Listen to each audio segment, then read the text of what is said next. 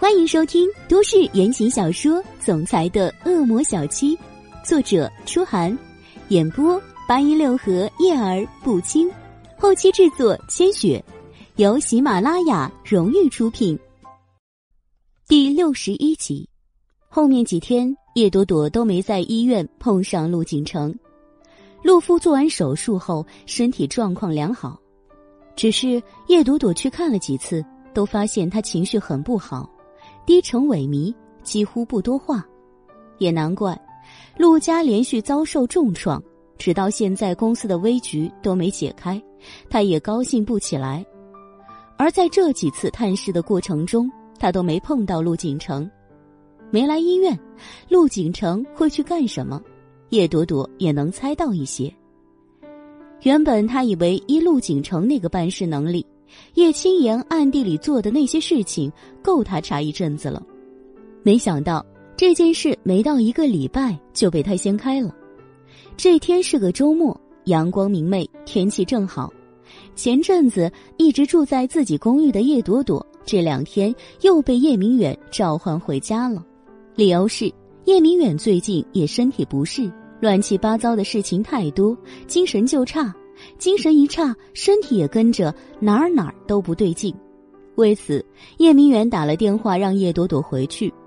叶朵朵知道叶明远的心思，人越到了一定年纪越怕死，叶明远这样不奇怪，所以他回去住了之后，就趁着周末自己动手给他调制了一点滋补的药膳。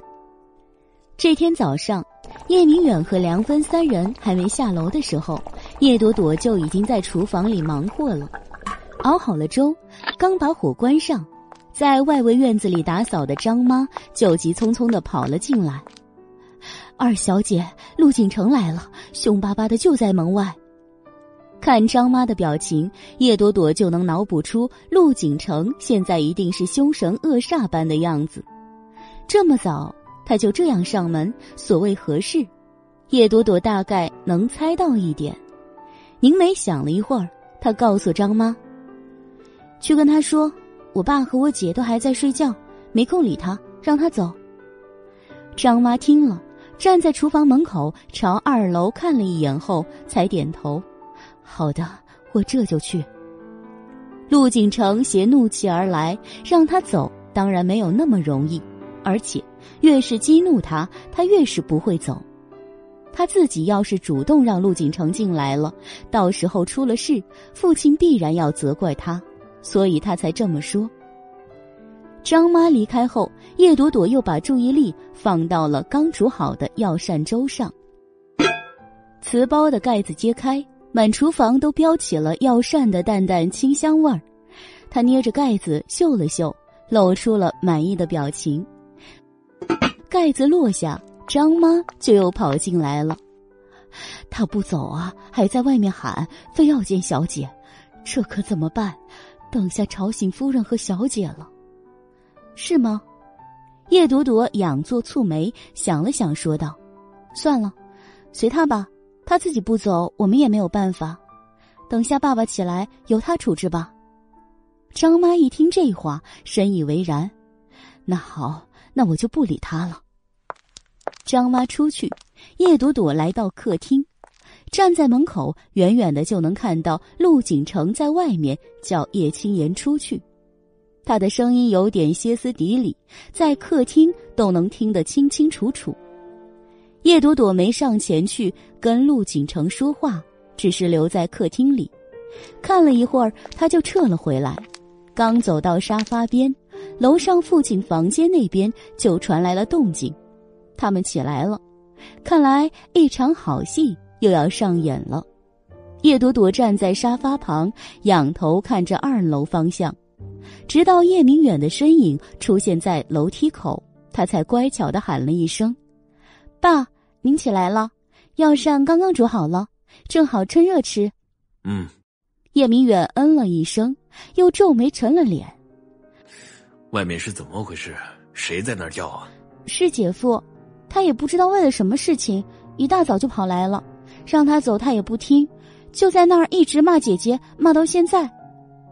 叶朵朵说着，叶明远的脸骤然的阴了下来。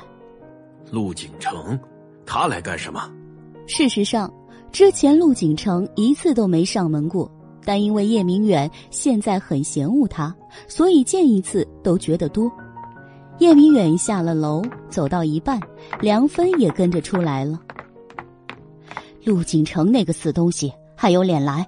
他想干什么？难不成还来找我报仇？因在自己家，梁芬也是底气十足。叶朵朵扭头朝门外看了一眼，大概不是为了陆伯母那件事来的。我听他一直在叫姐姐的名字，大概是跟姐姐有什么事。他跟青岩能有什么事？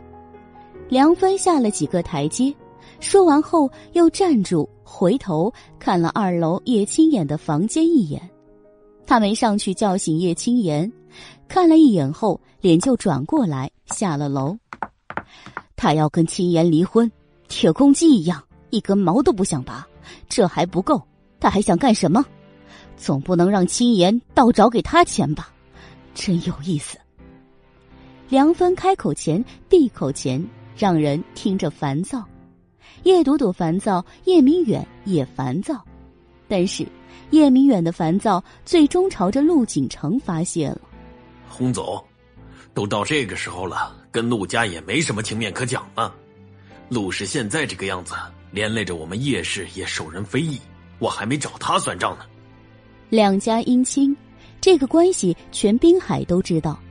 起初。叶明远对陆氏也很看好，觉得这几年陆氏发展迅猛，私下里还曾暗暗琢磨过陆氏的底儿也许比他想象的还要丰厚，却没想到他高估了陆氏。陆氏的底儿根本就是个空壳，外表华丽，地基却是空的，根本经不住什么风浪。对于这一点，叶明远在生陆家的气的时候，其实也在生自己的气。其他自己这么长时间都没看清陆家的底儿，前阵子竟还怂恿女儿一定要抓住陆景城，好把陆家的丰厚资产都攥在手上，这真是自己打自己的脸。正因为气自己眼光不够毒，他对陆家人的憎恶又加深了一层，以至于现在见陆家危机，只想躲得远远的，再不想沾染。叶明远愤恨厌恶的说着。路过门口的时候，也没理会陆景城撕心裂肺的叫声，看都没看一眼，直接去了餐厅。叶朵朵跟在后面没吭声。见他坐下，他就转去了厨房，亲手盛了药膳粥，端了张妈早就做好的点心过来，放在了他面前。不理就不理吧，叫累了他也就走了。大不了我们今天都在家里多待一会儿，等他走了再出去。叶明远本来已经捏起了他递过来的瓷勺，听他这么说，又抓起了眉，侧脸看着他。这怎么行？我跟朋友约好了，上午要谈生意，怎么能就因为这点事不出门？那传出去岂不是笑话？当我怕了他陆景城？叶朵朵乖巧的笑了笑，算不上吧。我看他情绪很不好，就这么出去，我怕他做出什么过激的举动来。他敢？叶明远也在气头上，听了这话，非但没被劝住，反倒更来了气儿，直接将勺子丢进了碗里，砸出了几滴粥来，滴在了桌面上。这是我家，还能容他在这里撒野？叶明远低吼了一声，刚刚坐下来的梁芬也趁势跟道：“就是耍威风也不看看地方，耍到我们家里来了，还真当我们叶家人。”都是软柿子好捏呢。这么说完，他又挑了叶朵朵一眼，讥讽道：“朵朵，你是不是在医院待久了，怕事了，还怕陆景城那个死东西？胆子也够小的了。”阿姨说的对，我是胆子小了。叶朵朵自嘲的说了一句，就低眉敛目的不吭声了。话已经到了这个地步。该挑起的情绪也挑起来了，他现在可以闭嘴了。陆景城的叫骂声还在继续，叶明远说了那几句之后，又捏起了勺子，装作没听见的舀了几勺药膳进口。叶朵朵在旁边站了一会儿，在张妈给梁芬取早餐的时候，也转身自己取了早餐过来，坐了下来。大概有十来分钟的时间，餐厅里除了细微的吃东西声，就没了其他的声音。三人谁也没再说什么，都各自低头吃饭。叶朵朵一边吃着，一边不时的暗暗偷瞄叶明远的脸。果然，随着陆景城骂的内容越来越劲爆，叶明远那脸也快黑成了煤炭。终于，在陆景城那句“叶青言，你这个婊子，你给我出来！”爆发出来的时候，叶明远将瓷勺重重的砸在了碗里。混账！叶明远厉吼一声，腾的站了起来。使劲儿将厚重的实木椅子往旁边一推，就疾步迈出了餐厅。叶朵朵看了梁芬一眼，两人几乎同时割了食物，站了起来。走到门口，叶明远神色阴鸷的朝门口看了几秒，随后转身吩咐张妈：“去，叫他们开门，把他带进来。我倒要看看，在我家里他还能翻出什么大浪来。”张妈得了命令，立即跑到前院，让门口的人开门。没一会儿，陆景城就气势汹汹的冲了进来。他好像就没看到叶明远一样，迈上台阶，看都没看叶明远一眼，就直嚷嚷：“叶青言，叶青言，你给我滚出来！叶青言，你这个婊子，给我滚出来！”骂的难听，又在当面。叶明远脸一阴。顺手就扬起一个巴掌，对着陆景城的脸扇了过去。陆景城，你太放肆了！这是叶家，谁给你这么大胆子的？叶明远当面棒喝，陆景城被他这蓄力而击的一巴掌给扇的往旁边一踉跄。他瞪着血红的眼睛，死死的盯着叶明远，足足盯了有一分钟的时间，他才吼道。我要见叶青年，别他妈的躲，躲到天边，我也要把他给挖出来！混账！叶明远又骂了一声，还没等他说什么，梁芬也挤了出来，加入了战圈。陆景城，你还有什么脸找秦言？我们没去找你就不错了，你还来这里找死吗？一句话说完，他就朝外面喊了一声：“来人！”叶家几个佣人听到召唤，都立即赶了过来，将陆景城团团围住。叶家不像荣寒生那里，佣人是佣人，保镖是保镖，保镖都是训练有素、身手不凡的。在叶家这里，说是保镖的那几个人也都是很一般的身手，平时还帮着做点其他的事情。不过这没什么，因为他们今天面对的是陆景城。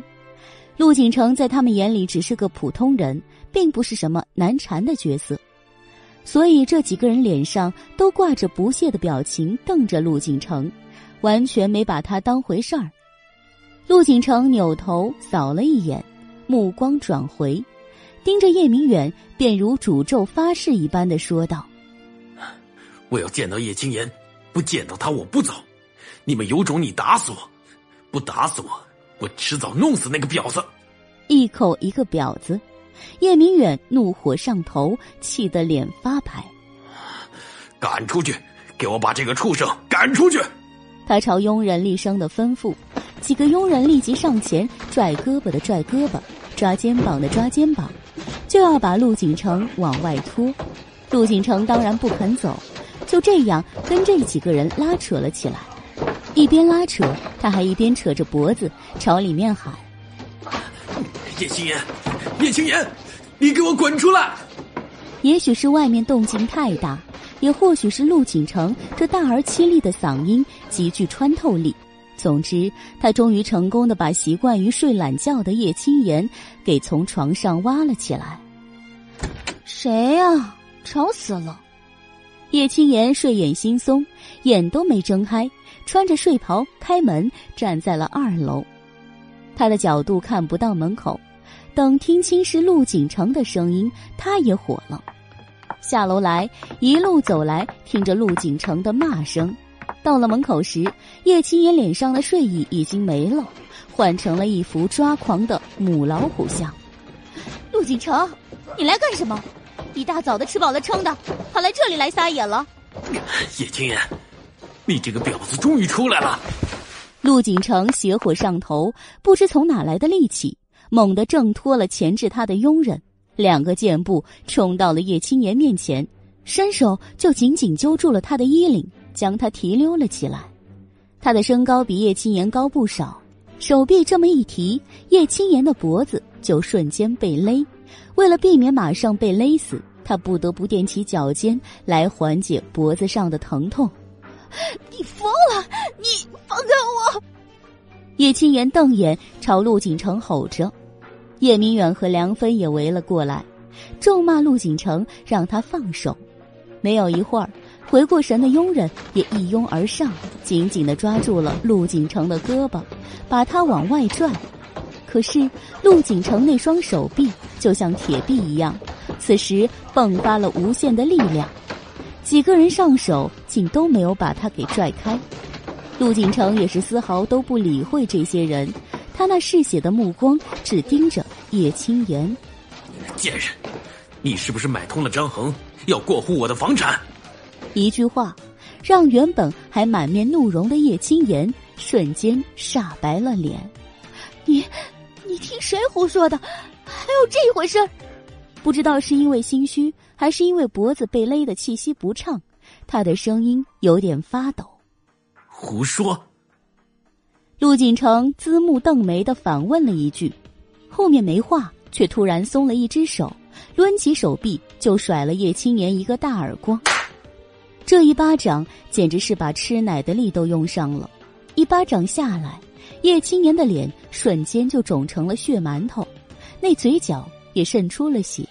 头发也同时被打散，看上去就像个女鬼一样恐怖。见女儿被打，梁芬也忍不住的扑了上去。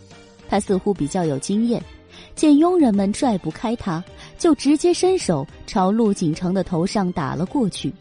啪啪的几下之后，他还觉得不解气，干脆五指一屈，对着陆景城的脸就抓了下去。他和叶青言一样爱留长指甲。这一抓，陆景成的脸上瞬间就多了五条血印出来。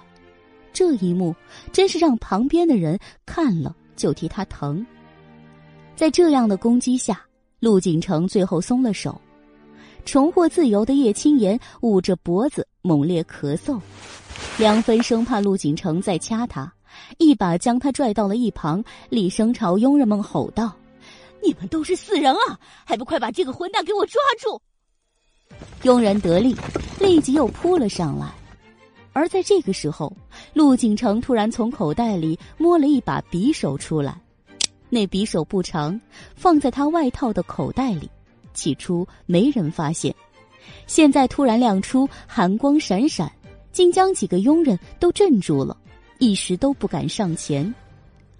陆景成也完全不管别人，他只紧紧攥着匕首，向着叶青言。贱人，你不承认是吧？张恒那个混蛋都招了，你还敢不承认？闻言，叶青言那张因为剧烈咳嗽而涨红的脸瞬间变得一片死灰。见他面色惊变，陆景成立即重重的冷哼了一声：“哼，没话可说了是吧？要不是我临时去检查我的财产资料，我差点就被你们两个混蛋狼狈为奸给坑了。”前两天，他安顿好了父亲的事情之后，就仔细琢磨了叶朵朵的话。越琢磨，他越觉得叶朵朵这是在暗示他什么。仔细的想了一天多，他就去找了张恒。张恒算是陆家的资产经理人，帮着陆家打点一些私人产业。找到张恒那里，陆景成二话没说，就要求查看自己和父母名下所有的动产、不动产资料。张恒那时候已经按照叶青言的指示，陆续将一些值钱的产业办理了过户手续。本来这事儿也不容易，但是张恒使了点手段，买通了房产局的人，加上他自己手上有全套陆景城的合法真实资料，而且陆景城和叶青言又处在婚姻存续期内，所以这事儿鬼使神差的也就被张恒给办成了几笔。张恒本来想着自己那百分之十还想陆续再办理几笔，没想到陆景城突然杀了出来，要看那些资产文件。他还没来得及准备假文件敷衍，这才露了馅儿。在陆景城的逼问下，张恒无奈把什么都招了。陆景城这才气冲冲的杀到了叶家来。叶青言还在庆幸财产到手的时候，就被陆景城这番当头棒喝，一时间也懵了。他惊恐的盯着陆景城，又看了看梁芬，不知道该说什么。而这边三人对峙的时候，叶明远也是一脸的惊色。感谢您收听都市言情小说《总裁的恶魔小七》，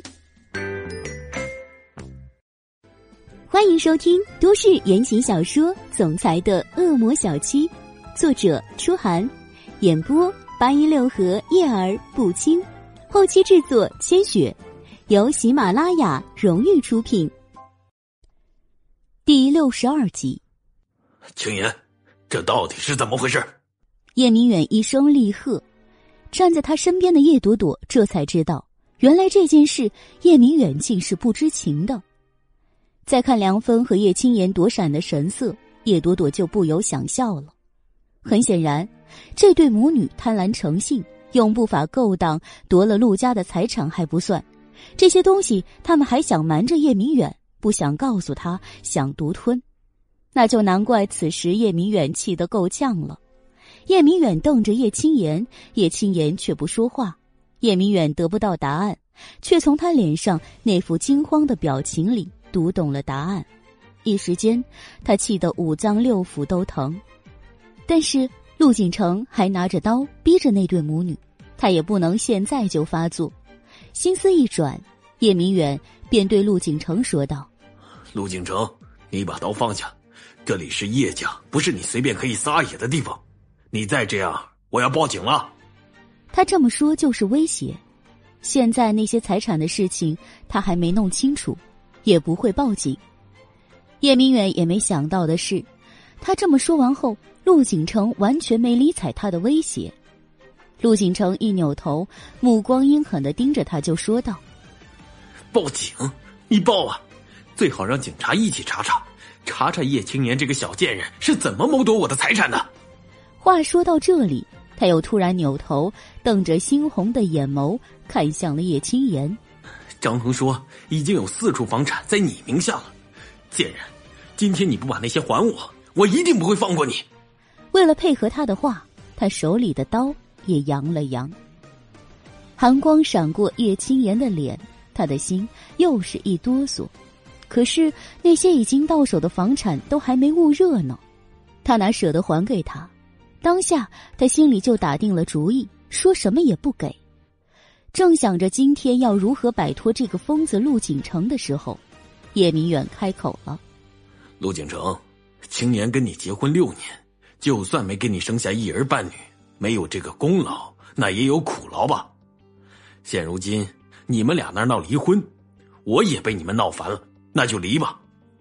这四处房产本来就是青岩该得的。”你一个堂堂男子汉，不要在这种小事上这么斤斤计较。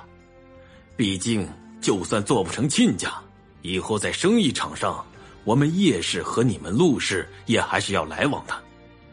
你为了这些蝇头小利就撕破脸，大概不好吧？叶明远一言说完，陆景城瞪着他看了一会儿。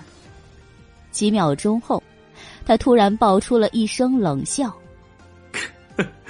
蝇头小利，那四处是我名下最值钱的四处，价值三千万以上。你说是蝇头小利？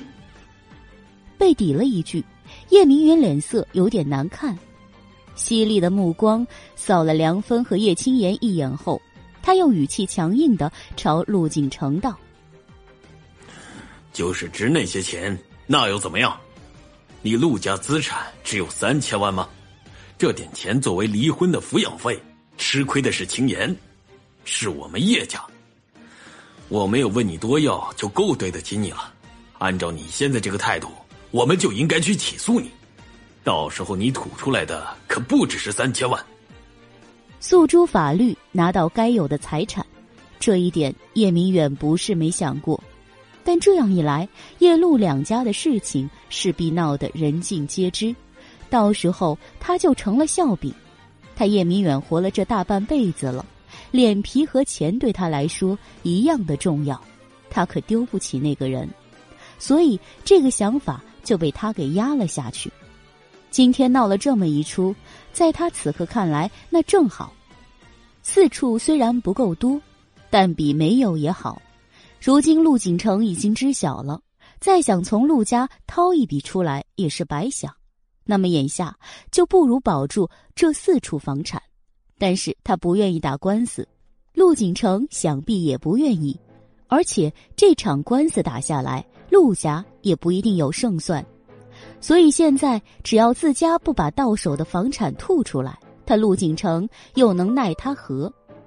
想到这里，叶明远心里那股对梁芬母女的怨气都淡了一点，他神色坚定地盯着陆景城。陆景城被他一番话说得邪火上头，瞬间就失了控，攥着刀转身往叶明远面前上了一步后，他瞪大了英质充血的眼睛，直勾勾的盯着叶明远。你的意思是，你们一定要吞下我陆家的产业了？他话语中的绝望让叶朵朵听了心惊，可叶明远仿佛完全没听出来这话里潜藏的危险。事实上，叶明远也并没有将陆景城手里的那柄刀放在眼里。听陆景城这么一说，他索性就来了个爽快承认：“我刚才已经说的很明白了，这是青岩应该得到的东西，我们没有义务再还给你。陆景城，你也算是个男人，与其在这里跟我们要这点财产，还不如去想想怎么化解你们陆氏眼下的局。”生意做好了，钱大把的赚；做的不好，你连手上现有的都保不住了，还有什么资格站在这里跟我说话？叶明远的话里满满的都是鄙视。陆景城半天没说话，只那双一眨不眨的眼睛里，红血丝越积越多，到最后，他一双眼睛都快血红成了兔子。俗话说得好，兔子急了也会咬人。此时，陆景城的样子就让叶朵朵想起了这句话。霎时间，陆景城这只已经被逼疯了的兔子就攥着刀扑了过来。你们都因我，我杀了你们，杀了你们！他狂吼着，挥着刀，首先就朝着叶明远刺了过来。叶明远见他拿刀刺了过来，也着实的吓了一跳，不过他反应的很快。陆景城还没有到跟前，他就闪到了一边。叶明远的这一闪，让叶朵朵很多年后都忘不掉，因为也不知道是不是有意，他那一闪就闪到了他的身后。两秒钟的时间，原本还在他身前的父亲，就突然到了他的侧身后，而他就直接暴露在陆景城的刀尖下。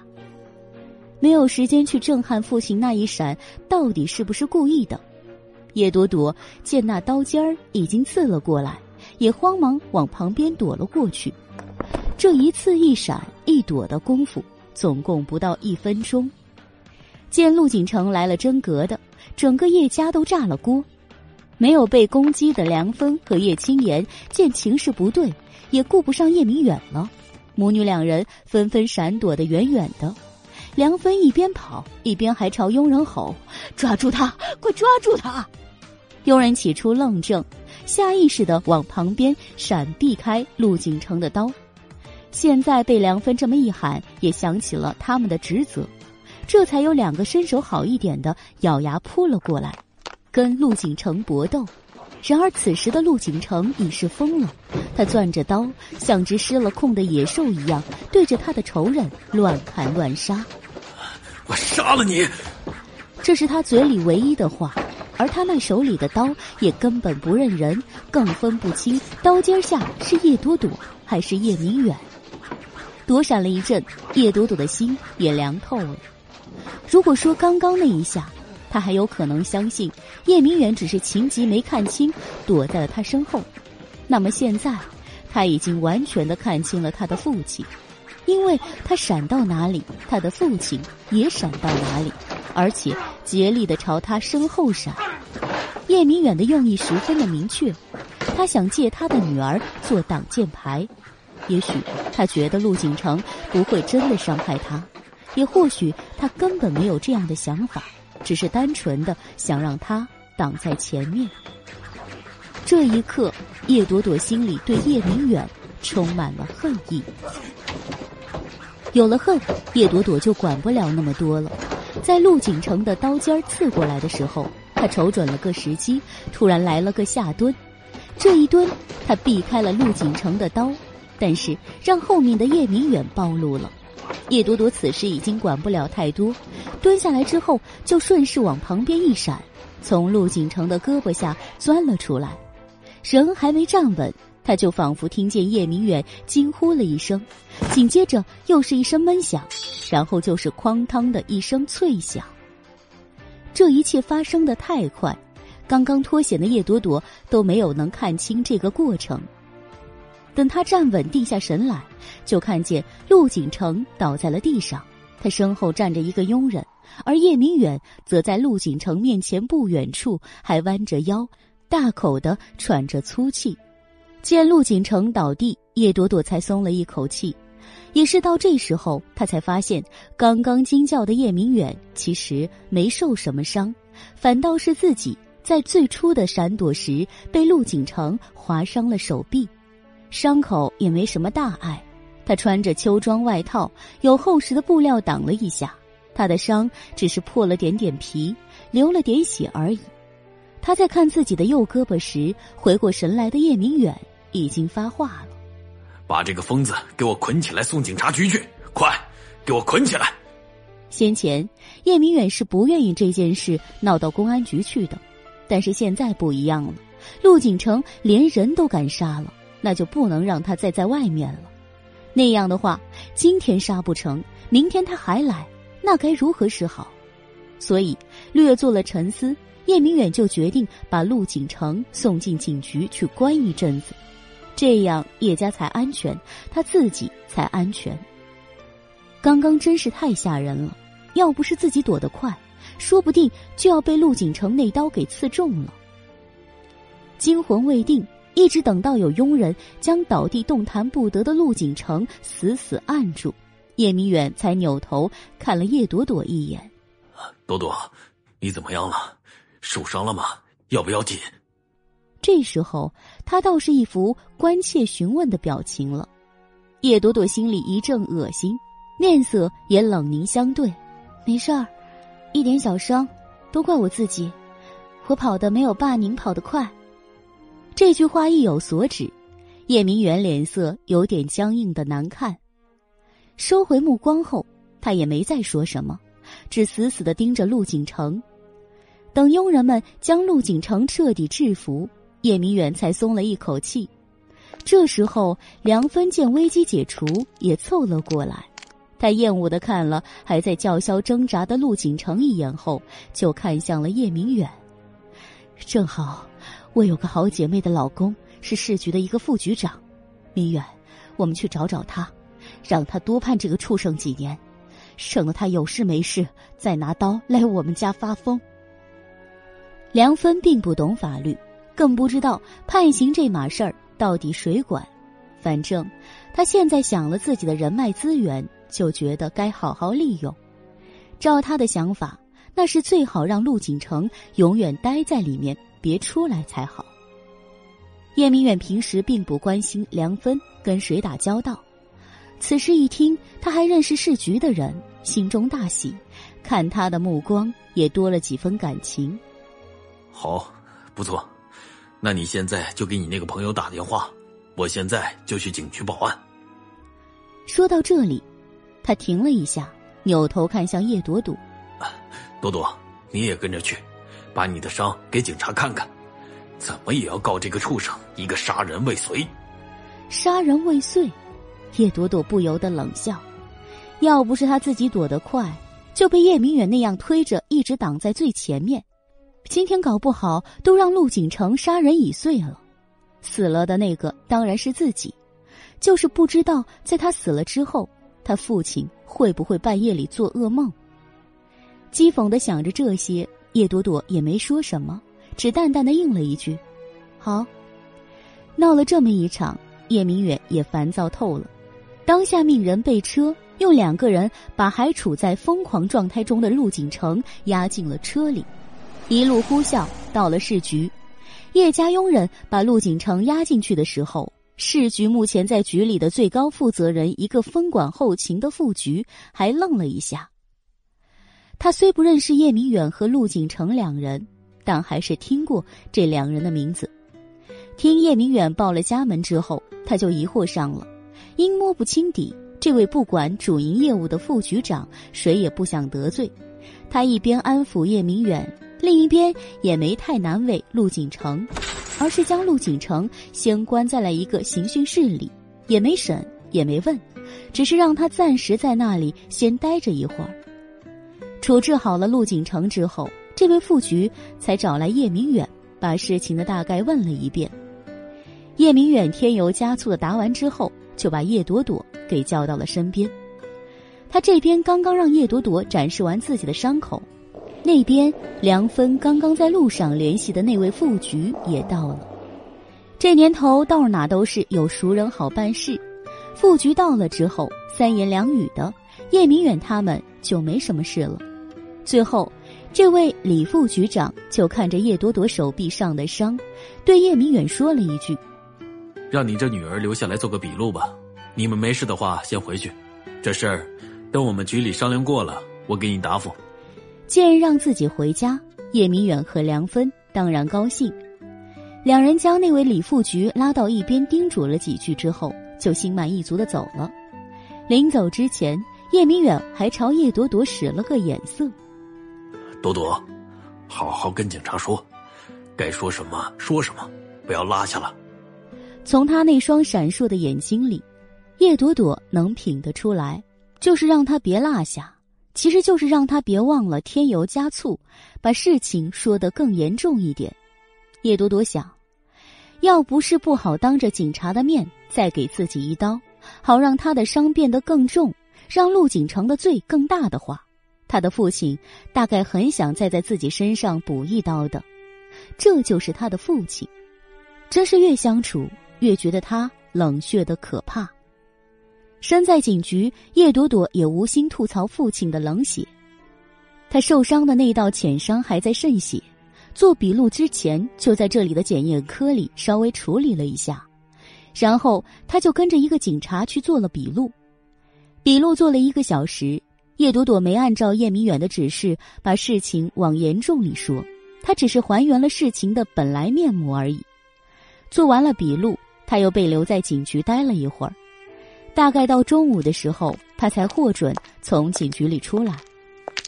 出了门，他下意识的抬眼看了看天，阳光依旧如早晨那样明媚，这确实是个秋高气爽的好天气。可他只看了一眼，便觉得各种刺眼。人一旦没有了好心情，那是看什么都不对的。胳膊上有点疼，心中也是压抑。叶朵朵不想再回叶家，直接打了车回了自己的公寓。进了自己专属的小空间，叶朵朵的心一下就松了下来，不是那种放松的松，而是垮下来的那种松。倒在床上，连那染了血的衣服她都不想换下来。这时候，她觉得累，还有孤单。即便心里早就对父亲叶明远没有什么期许，可今天这一出，还是让他觉得很受伤。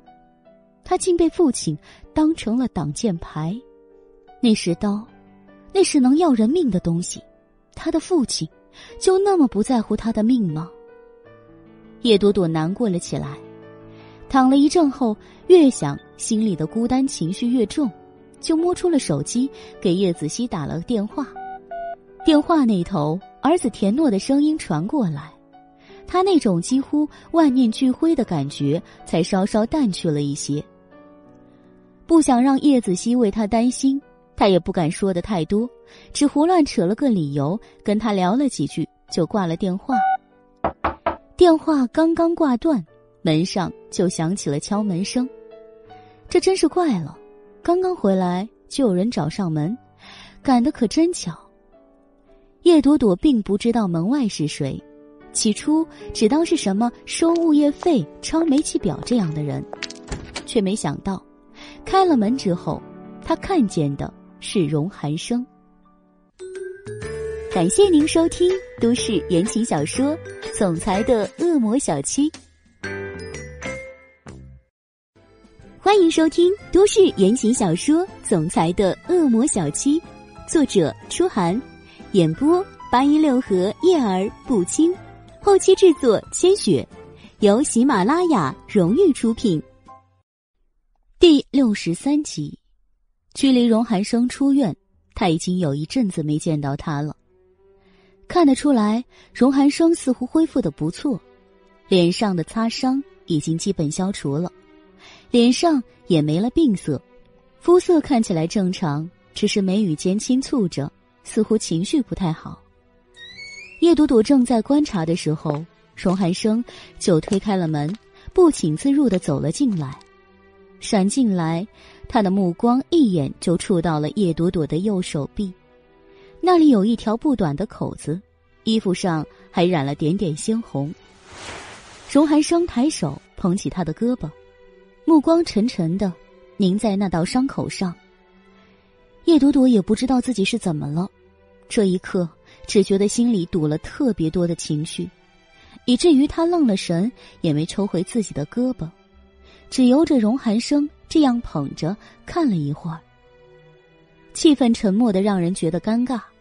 叶朵朵只见荣寒生面色暗沉，猜不到他心里在想什么。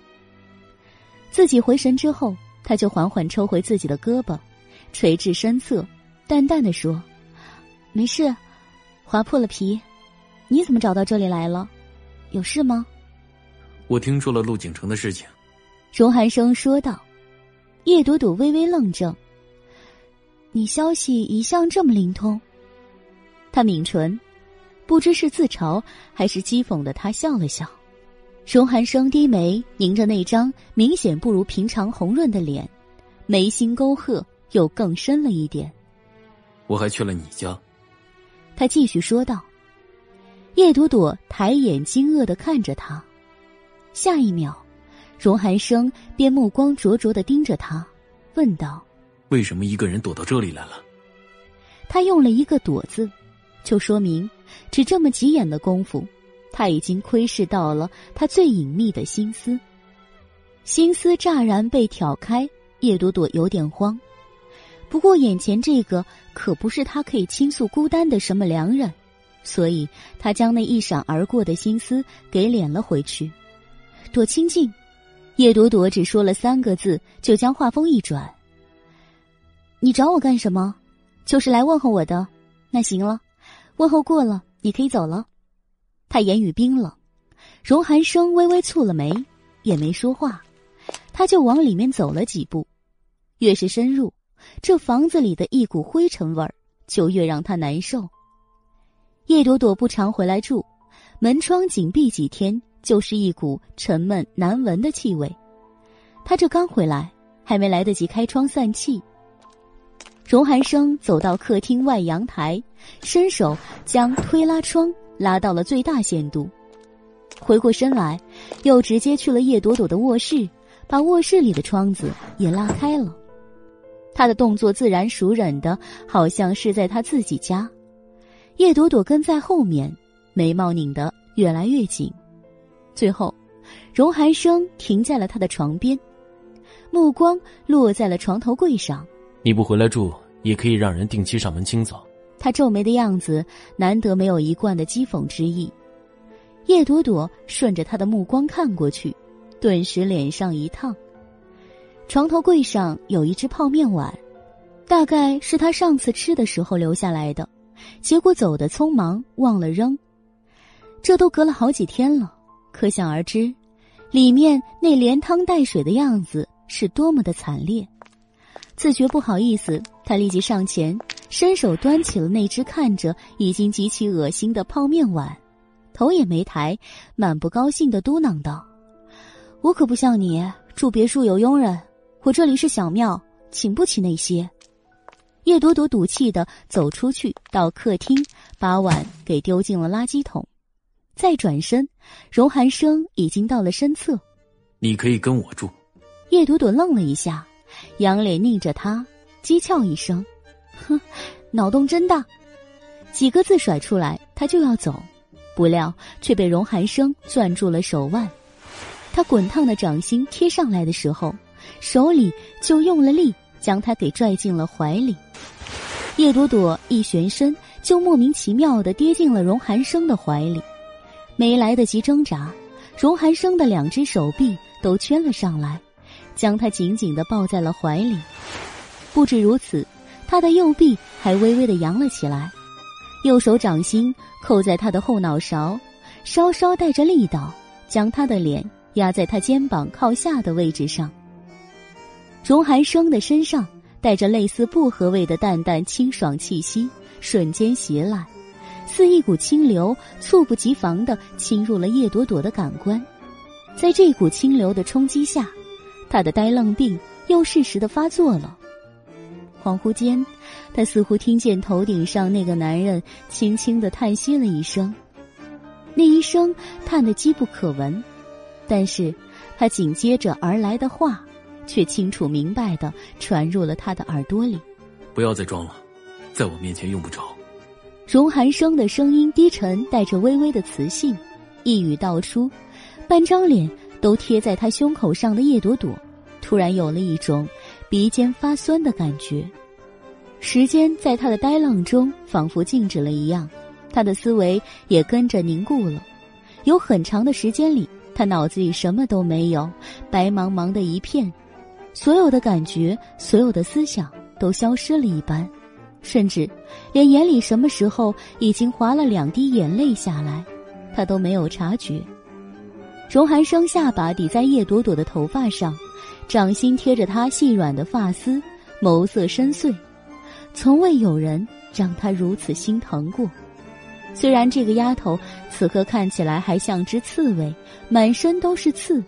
虽然他外表的样子看起来强大到完全不需要有人来安慰，但不知为何，他就是心疼，就是想把他抱紧在怀里，像现在这样，舍不得松开。气息沉沉，不知道过了多久，想到怀中的女人还带着伤，他才将她松开，目光垂下，落在她脸上那两行晶亮的泪痕上。荣寒生蓦地皱眉，果然，这丫头就是嘴上硬，心里此时一定是别提多难过了。叶家发生的事情详情他并不知道，但是叶家其他三人都是好好的，唯有他一人带了伤，那情形一定好不到哪儿去。大概也是因为如此，他才会躲到这里来，连家都不愿意回。难过就难过吧，一个女人。哭几声又有什么关系？他就是倔强。荣寒生心中叹息，指尖抬起，轻拂去了叶朵朵脸上那两道浅显的痕迹。他的气息稍稍抽离，叶朵朵这才惊觉回神，察觉到他拭泪的动作，他慌忙低了头，挣扎着逃开，暗暗吸了吸鼻子。叶朵朵也被自己这不知道什么时候滑下来的两行眼泪。弄得有些尴尬，要命了！他居然在荣寒生面前哭了，一定是被他蛊惑了，情绪泛滥，哭了自己都不知道。他有些懊恼，又觉得不想跟他近距离的站在一起，他干脆闷头走向了卧室，一边走还一边说：“你没事可以走了，闹一早上了，我要休息了。”钥匙给我。荣寒生突然跟上来说道：“叶朵朵愣了一下，回头皱眉看着他，干什么？等下回来，省得你开门。这家伙要这么自觉吗？当他自己家呢？等下还回来？”内心正在无力吐槽的时候，只见荣寒生眉目一挑，又显出那股他异常熟悉的无赖相。不给也行，我现在去找人配一把。行。他服了，服了眼前这位大爷了，心情烦躁，叶朵朵也没劲儿再跟眼前这位大爷继续斗智斗勇。转脸走进房间，他从包里翻出一串钥匙扔给他。荣寒生伸手姿态优雅的自半空接过了钥匙，看了一眼，他便笑道：“连问都不问我干什么了，这么相信我？”相信。叶朵朵翻了他一眼，对，我是相信了你的无赖程度。他是不知道他想做什么妖怪，他只知道，要是不把钥匙给他。下趟他指不定要怎么进来呢，搞不好直接找个开锁匠撬了他的门，这种事他荣寒生绝对干得出来，未免他的门遭殃，他也就只能从了他的无赖要求。荣寒生听出了他的讥讽，却只是满意笑了笑。他转身出去后，叶朵朵才走到衣柜旁，翻出了里里外外的几件衣服换上。将换下来的衣服丢了之后，他就倒在了床上，心情不好，人也觉得累，他干脆闭上了眼睛，不再去想荣寒生的事情。稀里糊涂的，叶朵朵竟然睡着了，都不知道睡了多久，一翻身压到了受伤的胳膊，感觉到疼，他才醒来，眼睛费力张开，还没完全清醒，耳边就传来一阵声音。那个方向是厨房，荣寒生吗？除了他没别人。他在他的厨房里捣鼓什么呢？叶朵朵摸了摸自己昏昏沉沉的脑袋，翻身起来，从床头摸了手机，看看时间，已经睡了一个多小时了。翻身下床，来到厨房，果然是荣寒生在里面，他在做饭。他跑他家做饭给他吃，叶朵朵愣了一下，有些不适应。荣寒生下厨的样子，他已经窥视过一次，那一次他还犯了花痴，被荣寒生讥笑他在流哈喇子，所以这一次未免重蹈覆辙，他没停在门口偷瞄，而是直接大方的走了进去。他的厨房不像荣寒生家里那么大，这间厨房只有几平米。荣寒生已经占据了一席之地，他再挤进去，空间就显得狭窄了许多。这些都是你买的？叶朵朵望着满琉璃台的油盐酱醋问。荣寒生正在切排骨，听了一下，转脸睨他：“难不成是你梦里偷来的？”哎，你什么话？真是的，不讥讽他会死吗？叶朵朵撇了撇嘴，没再跟他斗嘴。瞄了一眼放在一旁的蔬菜肉类，便问：“那你打算做什么给我吃？”异常自然有没有？就好像他荣寒生为他下厨是天经地义、理所当然的。奇怪的是，荣寒生并没有说什么，反倒只是顺着问了一句：“你想吃什么？中餐还是西餐？”一听这话，叶朵朵的眼睛都要瞪直了。“你还准备了西餐呢？”冰箱里有刚买的牛排，这里还有一面。发呆的一会儿功夫，叶朵朵就做好了决定。俗话说：“吃人家的嘴短。”确定要吃人家的东西，她的态度也变过来了。那个，我能中西餐都吃吗？我早上没吃，中午没吃，有信心能吃下去一头牛。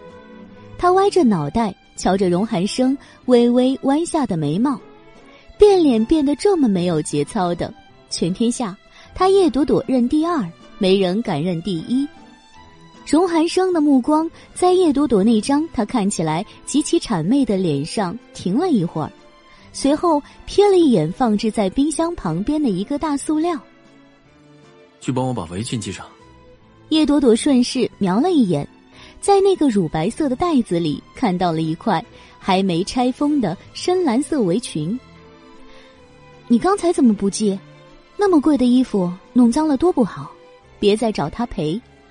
叶朵朵心里想着，走过去弯腰捡起了那块围裙，打开了包装，将围裙给拽了出来。那边荣寒生头也没抬，继续切菜。刚才忘了，现在不方便。切，事儿真多，下个厨还要雇人帮忙。叶朵朵嘟囔着。继续用吃人家嘴短的这个理由安抚了自己一阵后，她抖开了围裙，站在了荣寒生身后，捏住了一边，手臂绕到他的腰上，后背贴上来一个温热的身体，荣寒生那只切菜的手就顿了一下，恢复动作后，他的注意力就不由自主的被拽到了腰间，任由着某人的手指。在他腰上摸索了一会儿，他忍不住皱了眉。叶朵朵，叫你系个围裙，你居然偷偷摸我！什么？刚刚把另一边带子摸到，打算拽过来来个合围的叶朵朵惊叫了一声，手一抖，好不容易摸到的袋子差点都掉了。拽过袋子，他报复性的狠狠一扯，将荣寒生的腰紧紧的捆了起来。你还要不要脸啊？谁摸你了？别歪歪好吗？一边系带子，他一边讥讽道。荣寒生没有回头，刀却也没有动，张口便道：“你还不承认？我感觉到了。那是你神经末梢过于发达。”叶朵朵系了一个活结，对着荣寒生的挺俊背影做了个鬼脸。他转出来，荣寒生才低头看了看腰间。系得太紧，他不得不拽了拽，松开一些。侧过脸看着叶朵朵，他的神色居然很严肃。你刚才真的没有偷偷摸摸的对我动手动脚？大哥，我承认你很有男色，可我也没有饥渴到那个程度，好吗？他朝天翻了两个白眼，深感自己又要被荣寒生给气死了。懒得再说，他扭头就晃出了厨房。见他走了，荣寒生这才回头瞄了一眼。他皱着眉，抬手隔着围裙掐了掐自己的腰。饥渴，嗯，可能是他太饥渴了。不过话说回来，他似乎也好久没有吃过它了。眸光深邃的跟随了叶朵朵一阵，直到那背影不见。他才扭过头，继续对付眼前的食物。叶朵朵回房间又躺了一阵，原来还不觉得什么。看了厨房那些东西之后，他也觉得饿了，便再也睡不着，只能干等着。这样等了足足有四十分钟，他才终于听到荣寒生叫他：“懒猪，吃饭。”顶着懒猪的名头被召唤过去。这顿饭，叶朵朵也是不遗余力的发挥了猪的特质，能吃。两顿没吃，他几乎把某人做的一桌子中西合璧全部扫光。喝完了最后一口汤之后，他就撑得动不了了，只能往椅子上一靠，扫了满桌狼藉一眼，颇为幽怨的说道：“不好意思啊，吃太饱了，不能动，所以洗碗的任务还是要麻烦你。”荣寒生吃饭的动作停了一下，抬眼凉凉的睨着他。叶朵朵，我猜你语文里学的最好的一个成语，一定是得寸进尺啊？是吗？没有吧？我还有一个学的也不错，那叫心安理得。叶朵朵那两道平时看着好看，现在看着极其碍眼的眉毛又弯了下来，像两道新月。悬在她光芒四射的眼睛上，荣寒生气闷，继续低头吃饭，懒得再看他。见他没有坚决反对的意思，叶朵朵放了心，坐了一会儿后，手撑着桌子站了起来。我去再睡一会儿，洗过碗你就可以走了，谢谢。他推开椅子就走了。荣寒生扭头皱眉看着他，心里嫌弃。嘴也不擦就睡觉去了，真脏。叶朵朵才懒得理会某人那种怨念又嫌弃的小眼神，对他来说，吃饱喝足倒头就睡的感觉那是极好的。外面荣寒生在外面洗碗，制造出动静打扰了他，他还关了门，不知道是不是吃饱了容易发困，还是吃饭前睡的那一觉不够充分。总之，他很快又睡着了。感谢您收听都市言情小说《总裁的恶魔小七》。欢迎收听都市言情小说《总裁的恶魔小七》，作者：初寒，演播：八音六合叶儿不轻，后期制作：千雪，由喜马拉雅荣誉出品。第六十四集，这一觉他睡得天昏地暗，两三个小时后才醒。他也不是自己醒的，而是感觉到不对劲儿才醒的，晃晃悠悠的睁眼。一只手正不偏不倚的放在他的胸口上，那位置当真是销魂。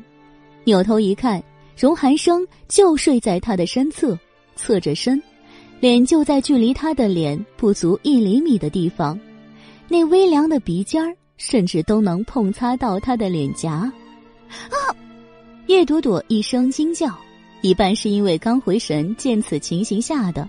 一半是为了报复某人，故意大声嚷了一嗓子吓唬他。果然，一嗓子之后，荣寒生就睁开了眼。他那两道好看有型的眉拧在一起，微微抬眼，睡眼惺忪。鬼叫什么？吵死！你怎么还不走？叶朵朵气得攥住他的手腕，直接甩开。可是很快，他就发现这样做。毫无意义，因为他刚一甩开，那只手臂就在空中划了一道美丽的抛物线，又落了下来。他再甩开，他又落回来，再甩开，还是落下，如此反复，最终以叶朵朵失败而告终。荣寒生，你起来！他忍无可忍的去推他，却不料他的身子不是往后仰，而是往前倾，直接半个身体将他压牢了。你受伤了，我留下照顾你。这理由，叶朵朵也是醉了。我很好，不需要你照顾。我谢谢你这么热心。不用谢。丫的，居然还接了过去。看着眼前这张无赖的脸，叶朵朵现在想咬死他的冲动真的是此起彼伏。荣寒生，你正常点行不行？现在几点了？你不骑我还要骑我。他刚想随口扯个理由出来。没想到话还没开口，上帝就仿佛听见了他的哀求，真的给他找事情来了。电话铃骤然响起，打断了叶朵朵的话。他扭了一下身体，翻手拿起手机，看了一下，眉心就跳了一下。荣寒生本来眯着眼，没注意到他脸色的骤变。等他开口说出话来，他才张眼，皱眉不悦的盯着他这边。短短两分钟，电话挂断，叶朵朵那脸色就相当的难看了。出了什么事？荣寒生也没了跟他逗趣的心思，松开圈着他的手臂，坐起来问道。叶朵朵放下手机，也翻身坐起，颇有些烦躁的抓了抓头发，他说道：“公安局打电话来让我过去，说陆景成不知道发了什么疯，居然从看守室里。”摔烂了一个杯子，捏着瓷片要自杀，非要见我。陆景成，荣寒生的脸瞬间阴沉，沉默了一会儿，侧脸说道：“我跟你一起去。”叶朵朵还没说不用，荣寒生已经起床穿了衣服。别跟我说你自己可以扛下这些事情，你那个小肩膀压碎了，也不一定能扛起来所有的事情。别装。他一边扣着扣子，一边语速不慢的说道：“说这个话的时候，荣寒生的表情很严肃，严肃到了那种让叶朵朵一看都不敢反驳他的程度。还愣着干什么？起来！”荣寒生侧脸催促了叶朵朵一声，叶朵朵这才慌忙回神，翻身下床。你好像比我还急。对，荣寒生直言不讳，让叶朵朵又呆了一下。为什么？因为我迫不及待的想让陆景城一辈子待在里面出不来。沉默了一会儿，他才仰脸盯着荣寒生，认真的问道：“你真的有这么恨他？”有。荣寒生点头，异常的干脆。不知为何，叶朵朵突然觉得不知道说什么了。他将目光收回，快速的穿好衣服，从家里出来。叶朵朵的心情莫名的有些沉重，陆景城昨天还要死要活的揪住叶青言不放，要跟他拼命，今天又为何找他？想到电话里警局那边急切的声音，叶朵朵心里就隐隐的有些不安。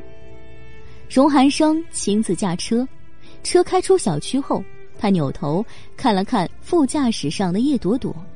你害怕？叶朵朵此时这副神色暗沉的样子，让他很不舒服。我也说不上来，反正肯定不是什么好事。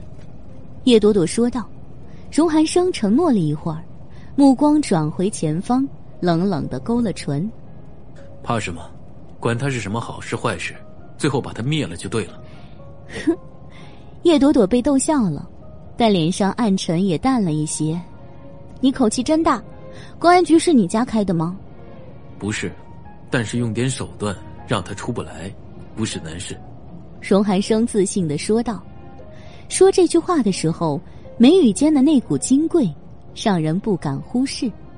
哼，哼，叶朵朵干巴的笑了两声，没有再说什么。一路沉默，到警局的时候，他刚一进门，昨天给他做笔录的那个王警官就迎了出来。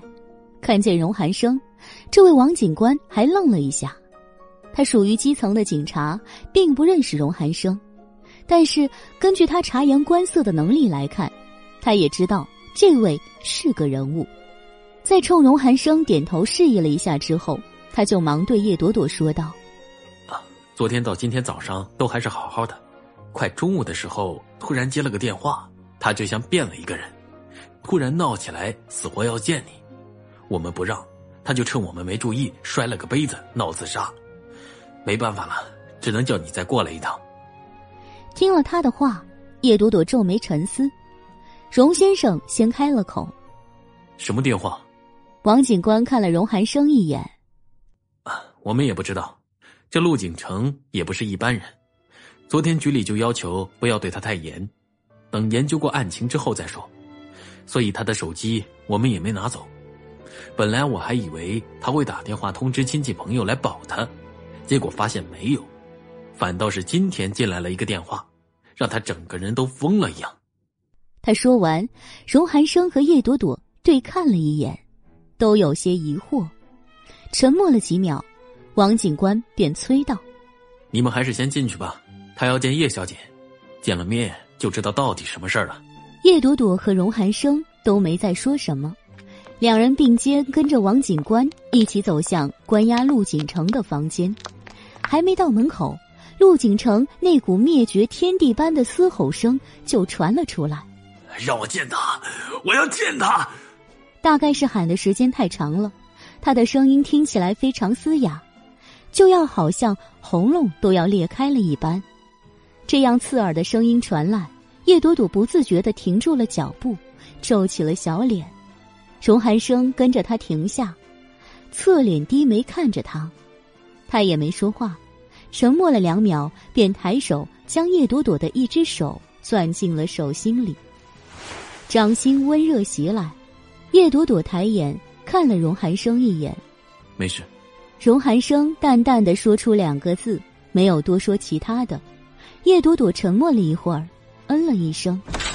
那边王警官已经打开了门，两人走到门口，才看见房间里还有两个警察在看着陆景成，其中一个年纪大点的警察还在劝说他。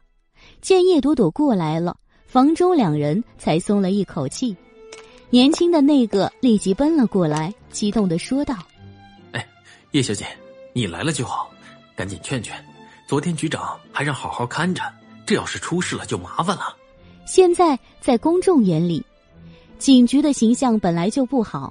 现在如果陆景成这样有点身份地位的人，莫名其妙的死在警局了。”那对他们来说可是不小的麻烦。正经工作的人，谁还愿意没事儿找个麻烦？所以现在看见叶朵朵，这些人就像看见了救世主一样。这警官这么说着，陆景成也看到了叶朵朵。啊，朵朵！他焦急的喊了一声，眼里放出了别样的光芒。虽然叶朵朵和荣寒生站在一起。虽然他们甚至还手拉着手，但是陆景成那目光仿佛完全没看到荣寒生一样，他只专注的盯着叶朵朵。叶朵朵扫了一眼他脚边不远处的一滩碎瓷片，目光抬起，冰凉的看着他：“你找我干什么？”陆景成往他这边疾步走了过来。荣寒生见状，下意识的攥了攥叶朵朵的手。身体朝他身边靠近了一点，叶朵朵没说话，心里却多了一抹感激。这时候，陆景成已经到了跟前，他那只攥着瓷片的手也放了下来。瓷片哐当一声掉在地上时，他伸手过来要抓叶朵朵，荣寒生顺势一扯，冷沉着脸将叶朵朵给拽到了另一边，站稳后。他目色冷冽的盯着陆景城，你有什么话就说，离朵朵远一点。朵朵，陆景城重复了一句，看向荣寒生，又转回看向叶朵朵，眼中突然就蹦出了凶光。你为什么还要跟他在一起？你是我的女人，为什么还要跟他在一起？陆景成，叶朵朵气得低吼了一声：“你闹够了没有？发起疯来就没完了！”你找我来就是为了跟我说这些吗？如果是，那好，我不想听。你爱自杀自杀，别来找我。他瞪眼气愤的盯着陆景城，陆景城愣了一下，突然又换了一副腔调：“ 不，不，你别走。对，不起，豆豆，我不是故意凶你的，我是，我是太激动了。豆豆，我们的儿子呢？”他一言，叶朵朵和荣寒生都惊住了。待了半天，叶朵朵才有些不敢相信的盯着陆景城：“你说什么？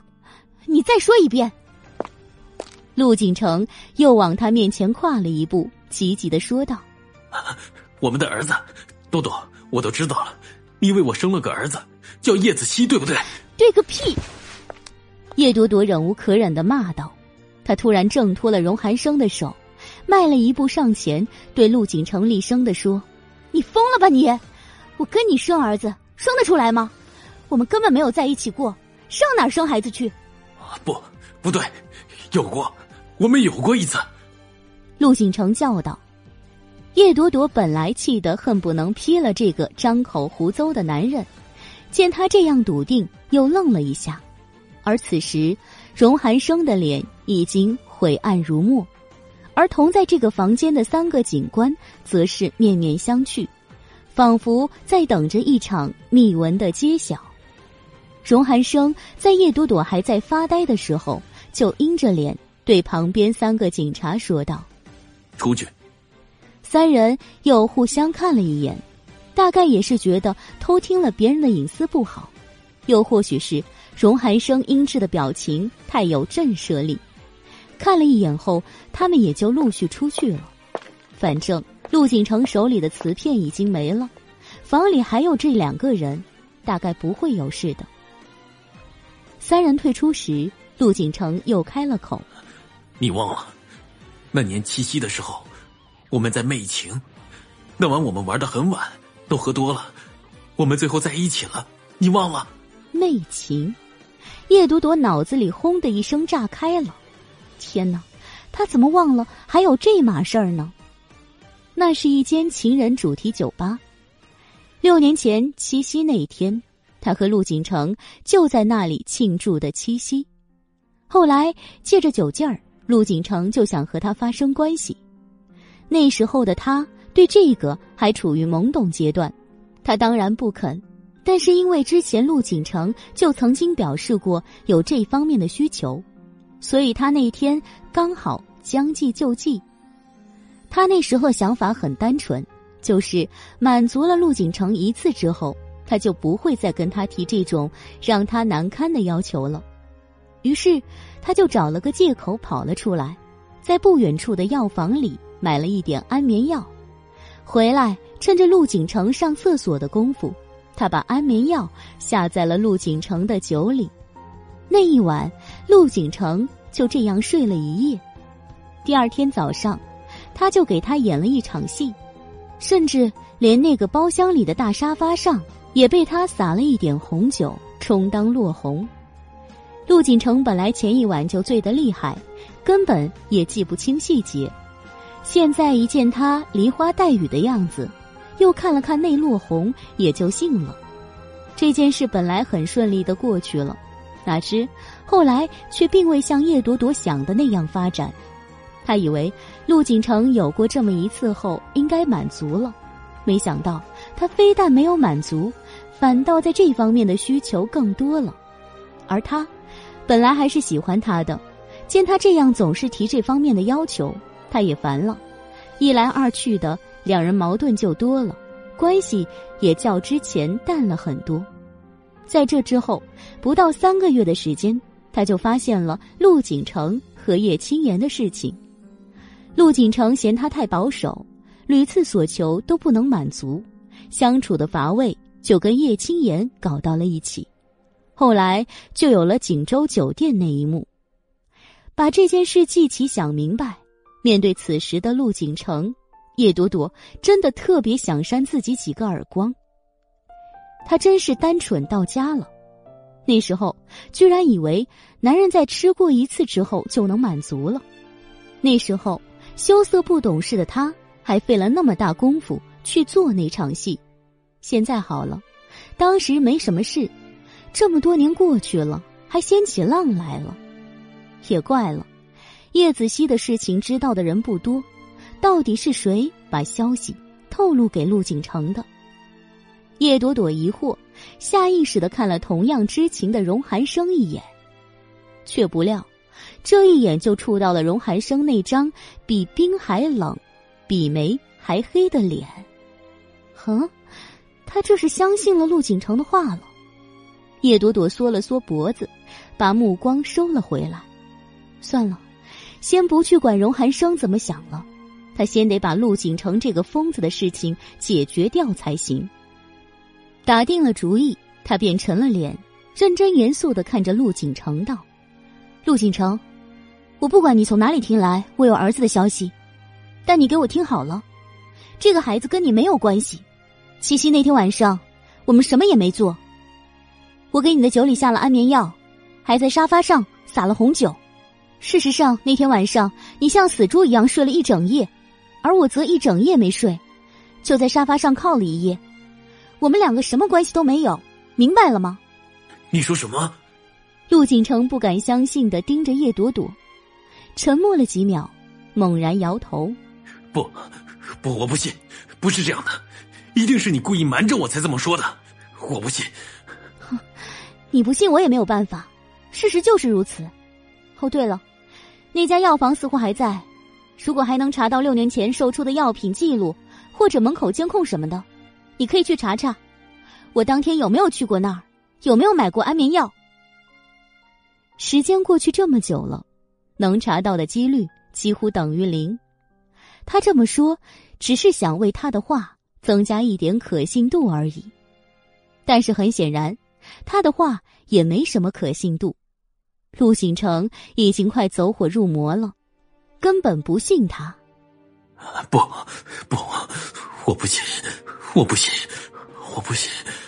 反反复复的，陆景成只是重复着这一句，他不停的摇头。脸色惨白的像个鬼，叶朵朵盯着他，想起曾经还真的喜欢过这个男人，心思也不由得沉了沉。语气稍稍缓和，他又说道：“我知道最近你们陆家出了很多事，你很痛苦，但是再痛苦也不能冒认儿子。不管你信不信我，我还是要跟你再强调一遍，我儿子真的跟你没有任何的关系。”当年离开滨海之后，我又谈了个男朋友，孩子是他的。他随口扯了一句，没注意到荣寒生此时脸色又阴沉了八度。陆景成瞪着一双猩红的眼睛，死死盯着叶朵朵。他的脸上这副沉静和坦然的神态，深深的刺激了他。感谢您收听都市言情小说《总裁的恶魔小七，欢迎收听都市言情小说《总裁的恶魔小七》，作者：初寒，演播：八一六合叶儿不轻，后期制作：千雪，由喜马拉雅荣誉出品。第六十五集，胡说，你胡说！陆锦城突然嘶吼起来。伸手就对着叶朵朵的脖子掐了过来，他那双手还没有到跟前，就被荣寒生的手臂狠狠的挡开了。够了！荣寒生似忍耐了很久似的厉声呵斥，不只是对着陆景成，叶朵朵发现荣寒生低头看他的那一眼也极其的阴寒。一声呵斥之后，他的一双阴谋盯向了陆景成。你想知道那孩子到底是不是你的，是吧？行，我让你知道。荣寒生一言，陆景成只是呆愣，叶朵朵却是如被雷劈。他什么意思啊？他仰头看向荣寒生，只觉得他的眼睛深邃暗沉的可怕。荣寒生也没理他，直接从口袋里掏出了手机。伊森，现在去安康。安康。什么地方？叶朵朵眉心紧蹙，他想干什么？询问的目光投向荣寒生，荣寒生却没有看他，直接就攥紧了他的手，把他给拽到了门口。拽开门，荣寒生就直接对守在外面以防不测的警察说明了要带走陆景成的意思。几个警察都做不了主，听他报了自己的名字后，又皆是一震。最后有人给上头打了电话，交涉了一阵后，终于放了行，但是要派人跟着，以防万一。跟不跟的荣寒生也没意见，事情就这么定了。一直到钻进车里，叶朵朵这心都还是七上八下的。荣寒生一直紧绷着脸，一声不吭，看都没看他一眼。他想问，又觉得他的脸色实在阴的恐怖。一时间，他竟然胆怯了。车开到了一个红绿灯路口，将要过去的时候，变了红灯。是的。荣寒生突然咒骂，俊荣阴冷，怒气十足的抬手在方向盘上狠狠砸了一下，砰的一声闷响，心弦一直紧绷的叶朵朵被吓出一身冷汗，扭头看他，他才终于问出了声：“你到底做了什么？”带我们去哪儿？闻言，荣寒生侧目，那目光锐利生寒。去了就知道。又是这样，叶朵朵烦躁的无以复加。荣寒生这脾气他知道，他想说的是，你不问他也会告诉你；不想说的是，嘴撬开都别想听到他半个字。气闷堵心，他也懒得再说，目光转回，沉沉的看向前方。不再作声了。到了医院，已经接到通知的伊森早就在门口等候了，一路跟着荣寒生，到了他要去的地方。叶朵朵抬眼一瞄，那金光闪闪的金字招牌，他就懵了。TNA 检测中心，荣寒生，你目光猛然投向身边的男人，叶朵朵的内心是愤怒的。这还用说吗？他一定是弄到了叶子熙的 DNA 样本，然后拿来和陆景成做比对。也就是说，他早就怀疑叶子熙是陆景城的，然后居然还手欠的去弄了叶子熙的 DNA 样本。现在正好在这个节骨眼上拿出来，跟陆景成的 DNA 做比对。不，他生气还不是主要的，主要的是他已经有了叶子熙的 DNA 样本。万一脑抽的想起来跟自己的 DNA 做比对，那该如何是好？到时候自己的秘密可就瞒不住了。以这男人的脾气，还不知道要怎么治他。还不止这些，更要命的是，荣家其他的人，比如荣夫人、荣若甫，这两位恐怕也要参与到这件事里来，那可真是头大。叶朵朵想得冷汗淋漓。怒然瞪着荣寒生，最后却只挤出了几个字：“你太过分了！我告诉过你，我想知道你儿子的爹是谁，你不肯告诉我，我只能自己求证。我说过不是陆景城。叶朵朵攥着小拳头低吼，荣寒生却只淡淡讥诮挑眉：“哼你的话可信？”此时，叶朵朵只想骂人。荣寒生不再理会他，直接走进了检测中心。他也没进检测室，而是进了一个挂着主任牌的办公室。里面的人显然和荣寒生相熟，见他来就站了起来。荣先生，你亲自过来了。说这话，他还往荣寒生的身后看了看。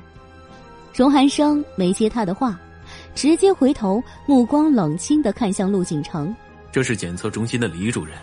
你和叶子熙的 DNA 样本都在这里，检测已经做过了，结果也在这里，自己看。不信的话，你可以问李主任。话音落下，他那几根优雅的长指竟然从西服的口袋里牵出了一张纸，放在了主任桌面上。叶朵朵猛然一惊，箭步掠过去一看，脑子都炸了。这就是比对的结果，上面显示着。叶子熙和陆景城没有一毛钱的血缘关系，宋寒生这个混蛋，居然揣着报告在他面前晃荡了好几个小时。他倒是沉得住气，做了坏事脸不红心不跳的跟他打情骂俏，这真他妈不要脸！叶朵朵真的是被气疯了，目光挑起，对着荣寒生就咬牙切齿的给了他一拳。荣寒生，你是人吗？居然背着我拿了子熙的 DNA 样本，我招惹你了？你这样对我，我是上辈子欠了你，这辈子还要遇到你这尊瘟神，混蛋！他忍无可忍的骂着，根本懒得去看陆景城绝望的表情。他现在只想打死荣寒生，可他的拳头刚刚挥了两下，就被荣寒生给攥住了。我们俩的账还没算，省点力气。到时候有你交的。什么账？他们还有账？叶朵朵一愣，心中怒气不减，猛地撤回了自己的手。神经病！已经找不到合适的词，他只能如此没有营养的咒骂了一声。骂完了荣寒生，他一转身看向捏着报告的陆景城，结果都在这里，你仔细看清楚，以后别再来抽风跟我说这个事了。他已气疯，两个男人各骂了一句之后，转身就跑出了办公室。叶朵朵觉得现在他就像个充足了气的气球，随便戳他一下，他就要爆炸了。他甚至连问清楚一些细节的心思都没有，此时只想让万能的上帝出现，把这两个男人都收了才好。留着他们这样祸害人间，他真的迟早都要被气死。尤其是荣寒生，你这个混蛋！一声咒骂轻出，手腕又被人攥住，掌心温热干燥的触感让叶朵朵连头都不用回就知道是谁。好嘛，还敢来拽他！怒火上头，他飞快一旋身，扬起巴掌就对着荣寒生的脸扇了过去。但是当然，他没有得逞。那只手还没贴上那张脸，就被他另外一只攥了个死死的。你还敢生气？丫的，恶人先告状！叶朵朵愤怒了。我不能生气吗？荣先生，你这样是侵犯别人的隐私，你知道吗？我儿子才几岁，你就这样去采集他 DNA 样本，你还是人吗？我只是让人拽了他几根头发而已。荣寒生面容冷峻。完全是一副理直气壮的样子。叶朵朵听到“拽头发”几个字，猛然想起那一天叶子熙跟他说差点跟人打架的事情。看来这件看上去是小孩子小打小闹的平常事，其实就是某人那只混蛋的手在后面操纵着。叶子熙的如此简单弄到，陆景城的那就更容易了，如法炮制，随便找个机会。拽几根下来就成了，好啊，真是好啊，荣寒生，你真是好心思。我现在是不是要谢谢你对我这么关注？谢谢你这么操心，我儿子的爹是谁？好啊，那我告诉你，我儿子的爹早死了，没死也快了。他叫嚣着，像一只被狠狠咬了一口、疼如骨髓的小兽，炸了毛。荣寒生一直没插话，任由他骂完。等他无话可说了，他才凉凉的问了一句：“说完了。”叶朵朵对这种无赖已经完全无话可说了，气得腮帮子都鼓了起来，就要爆炸了。你说完了，该我了。荣寒生冷冽的声音又响起。还没听他到底说什么，叶朵朵的脚就突然离了地面，他突然被他扛了起来。啊！你干什么？他惊叫。荣寒生一声没吭，先抬手在他的臀部上狠拍了一巴掌。回去算账。这一巴掌落下后，叶朵朵相信荣寒生绝对是想拍死他的，疼得要命，比小时候老师用棍子打屁股还疼。荣寒生，你个疯子！你比陆景成还疯！我跟你有什么账？要有也是你欠我的，好吗？等下你就知道到底谁欠谁的了。荣寒生冷冷扔下这一句，扛着他，像扛着一只沙袋，就直接下了楼。一路疾走，叶朵朵就一路的抡着拳头，对着他的背不要命的砸。你放我下来！放我下来！不想被摔成肉饼，你最好老实一点。依荣寒生的身高，他要是真刻意一摔，叶朵朵觉得自己真的会成为肉饼。畏惧之下，他的拳头就轻多了。背上虽然还在挨某人的拳头，但是荣寒生不再理会。出了检测中心，医生开门后，他就直接把叶朵朵给扔进了后座。那力道！叶朵朵的脑袋撞在后座柔软的真皮靠背上，都撞得发懵。荣寒生欠身进来，一眼都没多看他，就朝着面前的伊森冷冷吩咐：“叫人把陆景成送回警局，打点关系，给他找点事儿。以后我不想再看见他。”是，老大。伊森回道。叶朵朵揉着发疼的后脑勺，没有对这句话表示任何的意义。她也不想再看见陆景成，完全不想，所以别让他出来最好。刚想到这里，荣寒生的身体就倾了过来。死丫头，接下来该算算我们的账了。他伸手重重的捏住了他的脸，使劲儿的扯开，不是一只手，而是两只手同时扯他的两颊，扯得他瞬间变成了一只大嘴的蛤蟆。叶朵朵觉得自己的脸都要被这个男人给扯裂了，她皱着眉，表情痛苦的胡乱挥手打荣寒生的胳膊。荣寒生目光凉凉的睨了一眼那两只攻击自己胳膊的粉拳，根本不在乎那个隔靴搔痒的力道。扯了一会儿，他才自己松开了手。叶朵朵捧着脸，揉着两边发疼的脸颊，一边揉着，一边瞪眼看着荣寒生。我没有什么账，你说，不要对我动手动脚的。哼，荣寒生冷峭的笑了一声，却没再多说一个字。他把脸转过去，看着前方之后闭了嘴。开车的伊森也没问荣寒生去哪儿，就直接把车开回了他的住处。这地方叶朵朵有一阵没来了，车停稳。他本来想自己下车的，还没等他下来，荣寒生就让了过来。直接把他给拖出来了。这男人的气性大的离谱，一路上那股邪火都还没有散，扯他的力道还是那么重，一路拽到二楼他自己的房间，房门砰的一声关上，他那张阴沉至极的脸才转过来，近距离的对着他：“叶朵朵，你有没有话要跟我说？”“没有。”叶朵朵气道。你说这人神经不神经？明明是他自己要抽风的，现在又来问他有没有话说。他要是有话说，那也只有一句：“荣寒生，你是混蛋。”这句话叶朵朵只放在心里想了想，没有说出来。荣寒生本就站在他面前，这时候脸更低了低，他的气息还是那么扰人。叶朵朵不自觉的往后仰了仰。两人谁也没说话，像两只随时准备决斗的猛兽一样对视了几秒。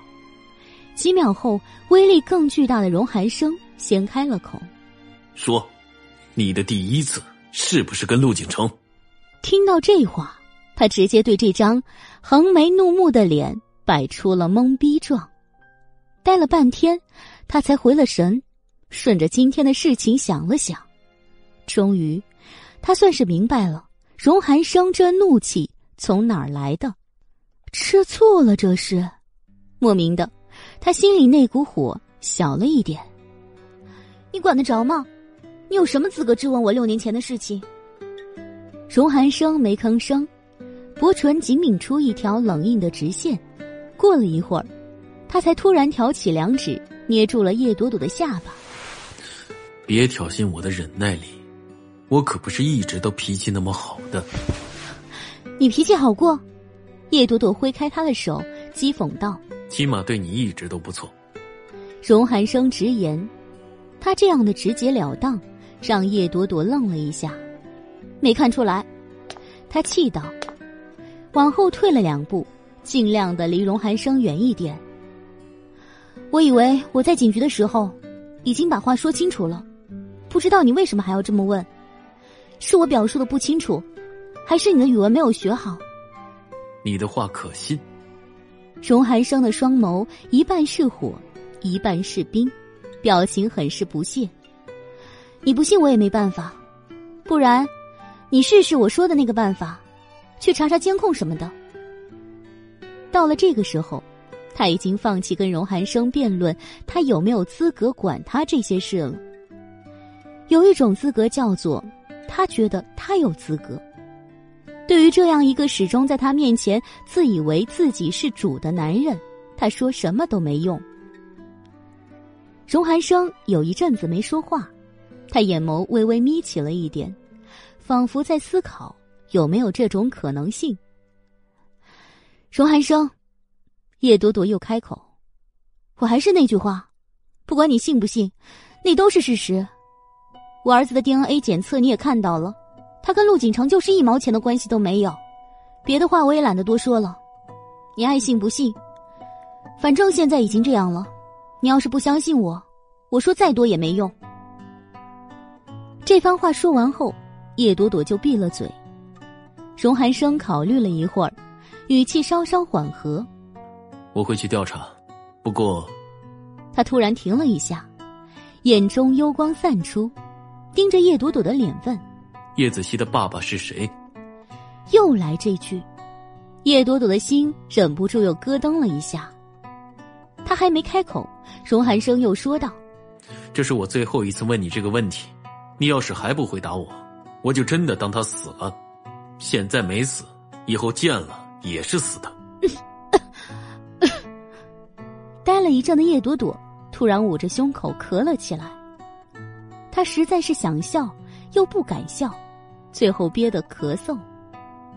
荣寒生的话他听懂了，他在告诫他，除非他现在老老实实说出叶子熙的爹是谁，否则以后万一有一天碰上了，他就得灭了这个男人。灭就灭吧，不知道自己灭了自己是怎样一种销魂的体验。脑补了一下这等愉悦的场面之后，叶朵朵心里那股火又淡下去了一些。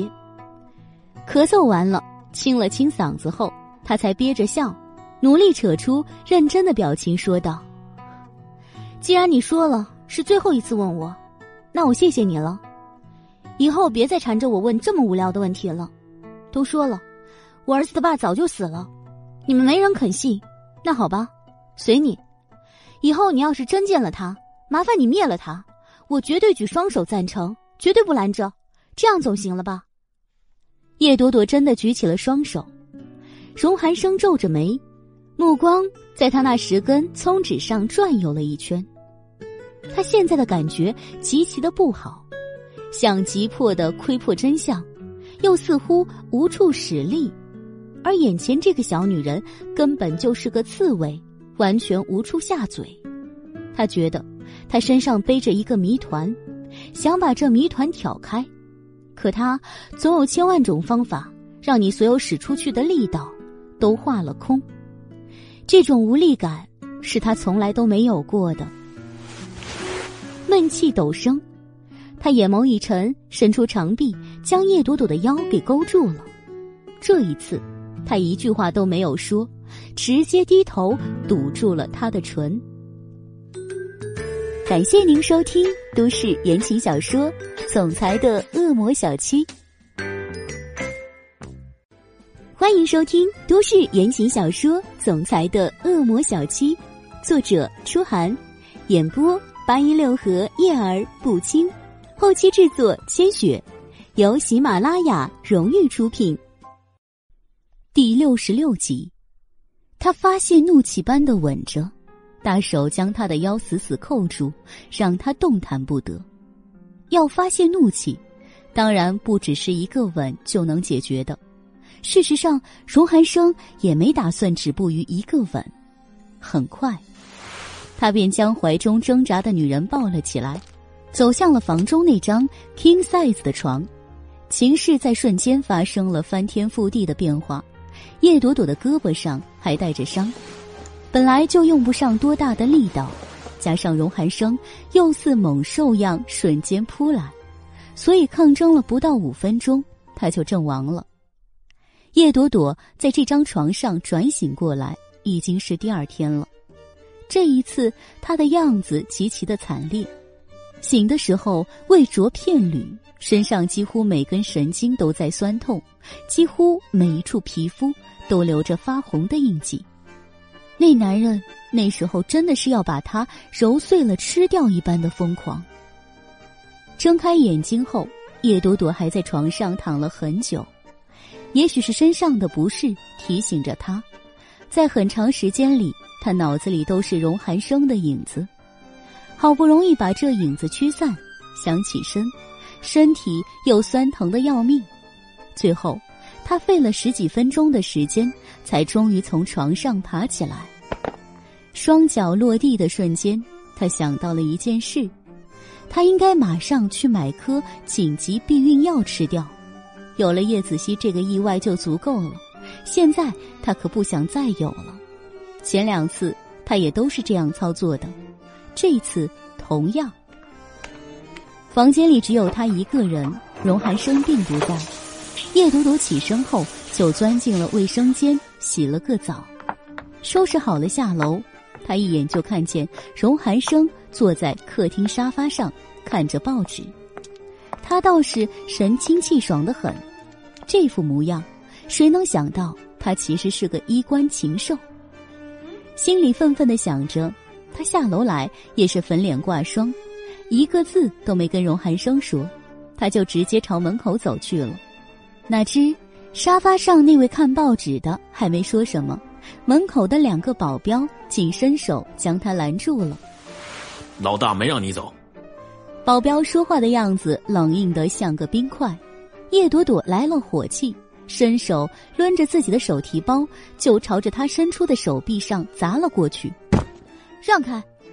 手臂挨砸，保镖也不说话，但就是不松手。叶朵朵气闷。干脆直接往外冲，当然他还是没有冲出去。被保镖挡回后，他忍无可忍的冲到荣寒生面前，语气不善的质问：“你到底想干什么呀？话也问了，床也上了，你还有什么不满意的？你说。”一阵轻微的报纸翻动后，荣寒生回过了头：“我哪儿都不满意。”这是真话，他确实心情不好，当然。这都是被这个丫头给闹的。他站起，修长的腿缓缓交叠，走到叶朵朵的面前。叶朵朵，你应该知道，我看上的东西没那么容易放手的。我是人，人也一样。荣寒生轻飘飘的将叶朵朵咬牙切齿的低吼声挡回，他微微的低下头，俊脸低悬在叶朵朵的脸上。我说过的话，你可能忘记了。要不要我再重复一遍？他说了那么多话，谁记得哪句归哪句？叶朵朵生气，蓝离眼前人。我说过你是我的，只能属于我。荣寒生非常主动的重复了一遍，叶朵朵深锁着眉，没好气的瞪着他。照你这么说，我一辈子不同意，你就要跟我纠缠一辈子了？那倒也未必。荣寒生淡漠讥诮的笑了笑。等我发现了更想要的女人，就对你没兴趣了。但是现在，我对你有兴趣。他的手臂又绕了上来，像先前无数次那样扣住了他的腰，脸又压低了一点点。他薄唇轻启，缓缓吐出了一句：“我甚至不介意做你儿子的父亲，你难道还不感动？”对不起，我一点也不感动。待了一会儿后。叶朵朵坚定的说道，而后不等荣寒生再说，他又将之前的话强调了一遍：“我早就说了，我和我儿子现在过得很好，完全不想掺和进你的生活。荣寒生，我求你行吗？我求你高抬贵手，饶了我行吗？”双手抱在一起，他对着荣寒生连连作揖，嘴里不停的念叨：“您是大爷，是上帝，我惹不起。”麻烦您离我远一点，别再这么关注我了。OK？No。荣寒生伸手，直接将叶朵朵那对小拳头攥入手心。你喜欢这样是吧？没关系，我也喜欢你追我赶的游戏。言下之意，他越是拒绝，他就是越来劲儿。眼前的男人俊脸轻笑，下巴微微扬着，眼中讥诮的星光闪烁。完完全全就是那副有种你咬我啊的无赖相，咬他，咬他！叶朵朵的意识瞬间崩塌，脑子里只有两个字：咬他。接下来的事是叶朵朵一生的污点，因为他真的扑上去咬他了！气得疯狂尖叫一声，他就突然像只灵敏的猴子窜到了荣寒生身上。双臂勾着他的脖子，脸压过去，牙齿对着荣寒生的脖子就咬了下去。脖颈处猛地一疼，荣寒生也愣了。什么情况？狂犬病发作了？事到如今，他真的不得不承认，叶朵朵这个女人的行为无时无刻的不再刷新他对女人的那一点认知。她还是个女人，有女人像她这样一言不合就咬人的吗？自门口处传来保镖的抽泣声，荣寒生一动不动，就这么看着挂在他身上咬他的叶朵朵，直到某人觉得牙都咬酸了，自己松开了，他才抬手掐住他的肩膀，将他拽开。味道怎么样？喜欢吗？荣寒生似乎感觉不到疼，面色沉静，依旧带着点儿讥讽的味道。叶朵朵刚刚用力过猛，现在腮帮子都在疼，气得直喘粗气，没有理会他。荣寒生双臂一收，将他扯到鼻尖之下，低头，鼻尖碰着他的鼻尖朝他勾了勾唇。喜欢的话，晚上继续。荣寒生，叶朵朵喊了一声，荣寒生淡淡回应说：“我怎么那么想毒死你呢？”荣寒生轻笑：“你随意，不过你大概没那个胆量，我也大概没那么容易死，所以我们大概也还是会纠缠下去。”他连用了三个大概，叶朵朵就彻底闭嘴了。肩膀上的手松开，荣寒生放开了他。好了，我今天还有事，忙完了去找你。说完，他才抬手摸了摸刚刚被咬的地方。这丫头是下了死力的，抬手一抹，指尖上都沾染了淡淡的血迹。撇撇嘴，他又看向叶朵朵：“我还有一个嗜好，你应该了解一下。”不知道他想说什么，也懒得去猜。叶朵朵就一直装着木头人。荣寒生也没有让他猜谜的意思，说完脸就压了下去，妖言尽展，暧昧浅笑。我喜欢养宠物狗。荣寒生，等他回味过那句话的意思，荣寒生已经轻松愉快的飘了出去。忍无可忍之下，他抡起了自己的包，对着他离开的那个方向狠砸了过去。包没砸中荣寒生，落地的时候，里面的手机却发出了催命般的铃声。气羞羞的原地站了一会儿，叶朵朵才不得不奔过去捡起包，翻出手机。电话是叶明远打来的，一接通，就听见叶明远在那边厉声嘶喊：“叶朵朵，你给我滚回来！”从他回来滨海之后，叶明远还没有这样疾言厉色的跟他说过话。今天，随便一想，叶朵朵就想明白了。他在警局承认了有叶子熙这个儿子，这话大概就传到那位跟梁芬相熟的李副局耳朵里了。梁芬知道了，叶明远肯定也就知道了。这下好了，先前只提防着荣寒生别去揭他的老底儿，现在这个底儿被陆景成揭开了。不过，陆景城他是怎么知道的？皱着眉，刚想到这里。外面就传来了一阵汽车引擎声，不及多想，他收了手机，追着跑了出去。荣寒生，你等等我！这话喊出来确实很没骨气，但是瞧他那德性，他也不会给他安排车的。难道他要走着去路上拦车？他喜欢清静，住得偏，走着会走累死，而且拜他所赐，他的腿现在走路都打颤。再走那么久，他估计会累瘫，所以即便刚刚才跟某人生了一场气，现在他还是毫不犹豫的拽开了车门，挤了进去。荣寒生看着这个刚才气得咬他，现在又主动跟他挤一车的女人，心里不由得好笑。率性，这也算吧。心里那抹笑意将要渲染到眸底的时候。他又猛然将那点笑意给敛了回去，自己也是够了。一天时间里，情绪随着他转，喜也好，怒也好，心疼也好，气恼也罢，都被他捏在手上。这算什么呢？表面上看着他更强势，实则，真的吗？荣寒生心思沉沉，将目光从叶朵朵身上收回来后，也没说话，一直直视着前方。叶朵朵更没看他，紧贴在侧门坐着。他心里只在想着，等我回家要怎么跟叶明远交代叶子熙的事情。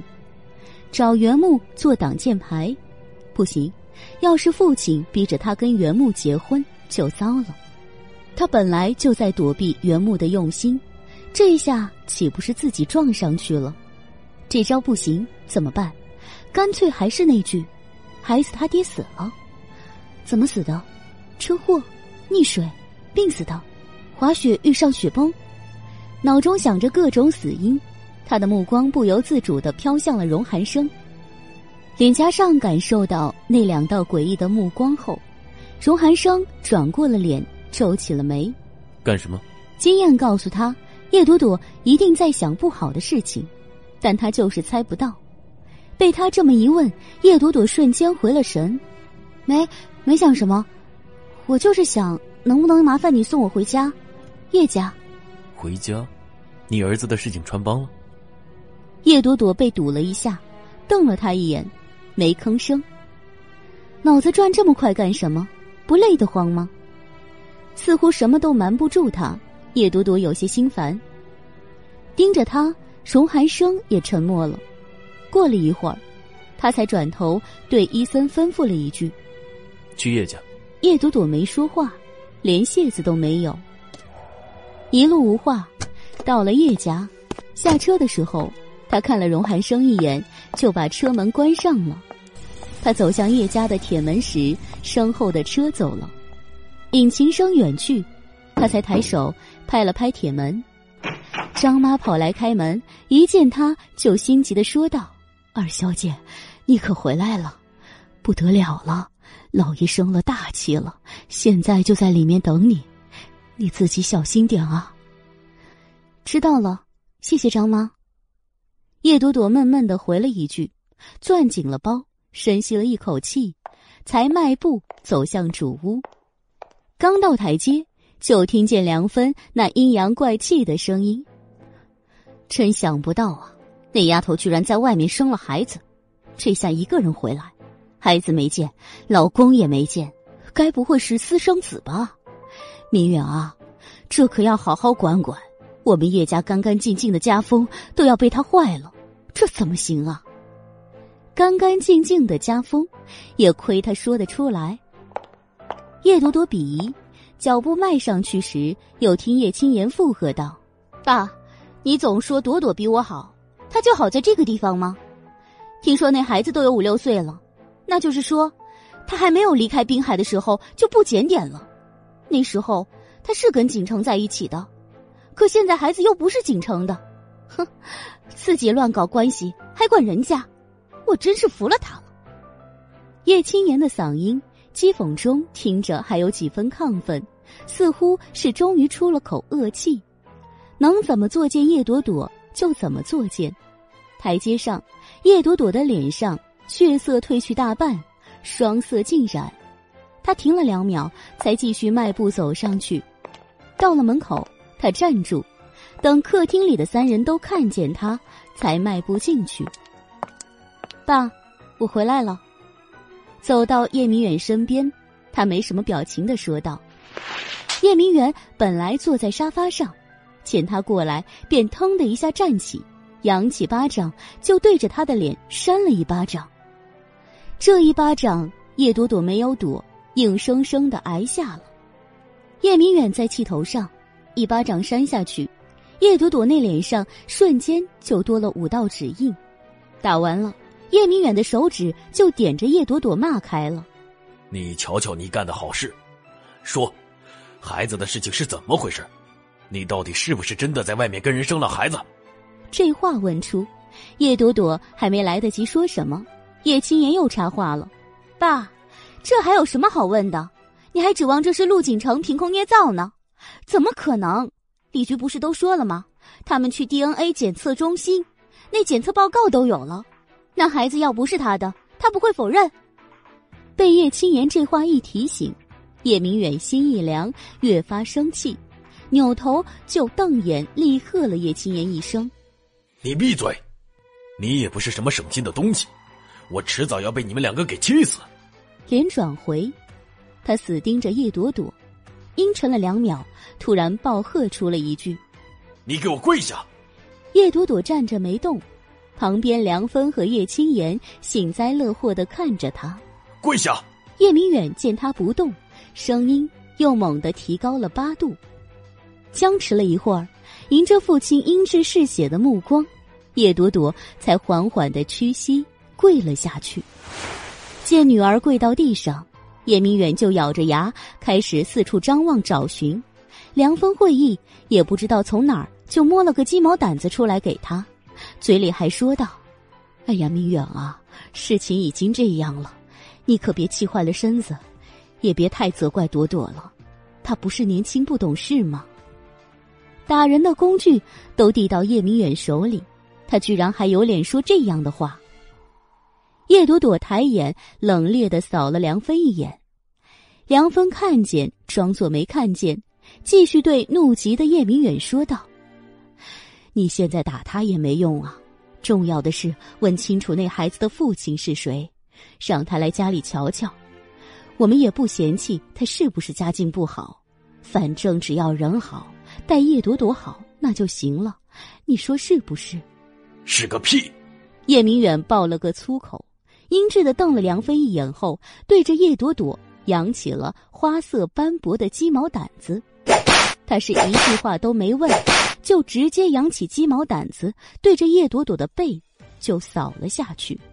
扫了有五六下，他才气冲冲的骂道：“我养你这么大，你就这样报答我，死丫头！”我今天也懒得跟你说了，做出这种伤风败俗的事情，打死也就算了。叶明远这骂声凄厉，那鸡毛掸子更是挥得狠厉如剑。叶朵朵咬着牙，一声没吭，任由那鸡毛掸子在自己身上肆虐。感谢您收听都市言情小说《总裁的恶魔小七》。欢迎收听都市言情小说《总裁的恶魔小七》，作者：初寒，演播：八音六合叶儿不清，后期制作：千雪，由喜马拉雅荣誉出品。第六十七集，也不知道挨了几下，叶明远终于打累了，一把将鸡毛掸子灌在了叶朵朵的身边。你说，那孩子的父亲到底是谁？父亲逼问，叶朵朵这才扬起脸看着他。你不认识，我在 Z 城认识的。孩子出事后没多久，他就出事故不在了。什么？一听这话，叶明远还没吭声，梁芬惊叫了一句：“死了！”朵朵，你这是什么命啊？那你们结婚了没有？男方什么家世？那孩子没跟你回来，现在在男方家里吧？他们家配得上我们家吗？叶青言闻言跟道。妈，你现在还问什么家事啊？瞧他这个样子，一个人回来，那肯定是被男方家里赶出来的呀。生了孩子就克死丈夫，谁还要他？就算那家也是什么富豪，也指望不上了。谁说的？谁说指望不上？梁芬看了叶青言一眼，说道：“好歹还生了个孩子，就算被赶出来，起码也要拿点抚养费，这算什么呢？”坏名声被我们叶家背了，孩子落他们家去了，这也太欺负人了。听到这里，叶明远终于厉吼了一声：“你们都给我闭嘴！”梁芬和叶青言对看一眼，暗自撇了撇嘴，没再说话。吵闹的客厅安静了几秒，趁着叶明远还没开骂，叶朵朵仰着脸扫了梁芬和叶青言一眼。便说道：“我的孩子现在跟我，跟男方没什么关系，他父亲也不是什么有钱人，只不过是普通人。阿姨要是还想在我这里捞一笔抚养费，那就省了吧。我没姐姐那个本事，从别人家里偷几套房产来。我现在是单身，我的儿子也只有我这个妈妈，没有爸爸。你说谁呢？谁偷？那是我应得的。”我好歹跟陆景城算是明媒正娶的，你呢？偷偷摸摸的生个孩子，现在男人没了，钱没了，带个拖油瓶，哼！叶家的脸真是让你丢尽了。叶青言今天战斗力十足，叶朵朵懒得跟他做无谓的争吵，便没有理睬。看向气得一脸涨红的叶明远，叶朵朵才又说道：“爸，这件事我承认我不对，我让你生气。”给你丢脸，你打我骂我，我都受着。现在我也没有什么好说的，你想怎么处置就怎么处置吧。叶明远的脾气他清楚，他越是态度强硬，叶明远的怒气就越大。母亲杨月琴的事情还没有定论，他不想跟父亲闹翻。叶子熙的事情如今闹到了他们这里，就算他巧舌如莲，编出个故事。说那孩子不是他的，是他一时善心领养的，他们也不见得会相信。而且，这样一个弥天大谎撒下去，后续还不知道要撒多少的谎，要耗费多少心思才能继续隐瞒，所以他干脆认下了。说完这些，叶朵朵就闭嘴了，她跪得笔直，被打了一巴掌的脸上依旧面色坚毅。当年生叶子熙其实也算是一时冲动，发现怀孕的时候，她想过要去打掉孩子，医院都去了，医生开的手术单都拿到了，但就在等待手术的那半个小时里，他突然后悔了，自己反正也是孤身一人，不如生个孩子来作伴也好。就在这个念头的唆使之下。他就把叶子熙给带到了这个世界上来，孩子的出生算是他一念之间的产物。可现在既然生都生了，他就得好好对待他。母亲这两个字的责任，叶朵朵并没有多么深入的想过，她只知道凭着本能，她现在就得母鸡护雏一样的把她的孩子护在身下，不可以让任何人欺负她。正因为这样。在叶明远面前，当着他的盛怒，他不但认了未婚生子这件事，还认得干脆坚定。他要告诉眼前这些人，错，他确实有，但是现在他和儿子是一个整体，谁想分开，谁就是他的敌人。叶朵朵眸色冷静，透着一股子让叶明远恼羞成怒的倔强。叶明远攥紧了拳头，扬起胳膊想对着叶朵朵的脑袋砸过去，挥到半空，不知为何他又放弃了，狠狠的将手臂甩了回来。你这是跟我叫板呢是吧？好，随我处置，随我处置。他咬牙切齿的重复了两遍，突然目光一狠，说道：“那孩子在哪儿？带过来，交给我。”你想干什么？叶朵朵警惕的盯着他。我只说我自己随你处置，孩子是无辜的。嗯。叶明远重重冷哼：“我不管你到底有没有跟那个男人结婚。”总之，你之前没有遵循过我的意见，那这就不算数。这个孩子也就是个私生子，一个私生子有什么可无辜的？私生子，这三个字钢针一样洒进叶朵朵的心里。他那本来还算冷静沉着的眼中，突然掀起了波澜。爸，你口口声声说我的孩子是私生子，那他呢？他算什么？他抬手一指叶青言。六年前，他曾经跟我说，他也是爸爸的亲生女儿。爸，你告诉我，这个比我还大的姐姐为什么是你的亲生女儿？这句话其实已经在他心里放了很久。这几年，他都想好好问问叶明远这个问题。今天刚好，他问了出来。叶明远显然没想到叶朵朵有此一问。瞬间脸就变了色，回头瞪了一眼多嘴多舌的叶青言后，他才说道：“他胡说你也信？你也不要跟我扯其他人。今天我们谈的是你的问题。”叶明远阴着脸，叶朵朵冷冷一神，缓缓的放下了手臂。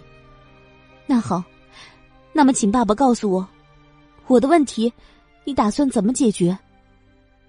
也许是被女儿戳中了多年压在心里的秘密，叶明远的气势也没刚才那么强硬了。别的稍后再说，现在你那个孩子肯定不能留，你带回来，我和你阿姨帮你找人家送走。以后你就是你，没结过婚，没有生过孩子，你是一个人，记住了。听着父亲似乎还未说完的话，叶朵朵沉默了一会儿，沉默了几秒。他才盯着叶明远那张晦暗的脸说道：“我是不是一个人，对爸来说很重要？”他的目光灼亮逼人，似能照进这个世界上最阴暗的角落，让那些见不得人的隐私无所遁形。叶明远没说话，目光挪开一点，没有直视着叶朵朵的脸，而是往下挪了一点，看着他娇小。却跪得笔直的身体。父女对峙间，梁芬的话又阴不阴阳不阳的插了进来。朵朵，你这是什么话？当然重要了。你这事儿要是传出去，对我们叶家多难听。现在你爸这是为你着想，也是为我们叶家着想，想办法把这事儿藏起来，免得出去都要被人戳脊梁骨。哼，就是。叶青言讥讽的冷哼了一声，难得的没继续往下补刀。叶朵朵听了他两人的话，却没看他们，他的目光只一瞬不瞬的盯着神色似有些尴尬和躲闪的叶明远。爸，你的目的真的只是这样？被逼问，叶明远这才抬起目光，颇为不悦的说：“那还能有什么样？一个孩子而已，你既然都生了。”难道我还能掐死他？不，叶朵朵突然说道：“你不是想把我的孩子怎么样？你是想把我怎么样？对不对，爸爸？”他的逼问让叶明远一震，瞪着眼前的女儿，他眼中闪过了微微的惊愕。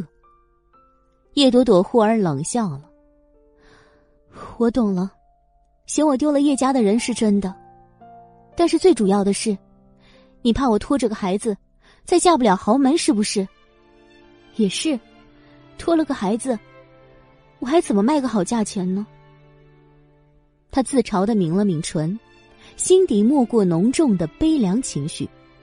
也许，他本不该把叶明远的心思这么直接的挑出来，但是现在叶明远要逼着他送走叶子熙，这他怎么能答应？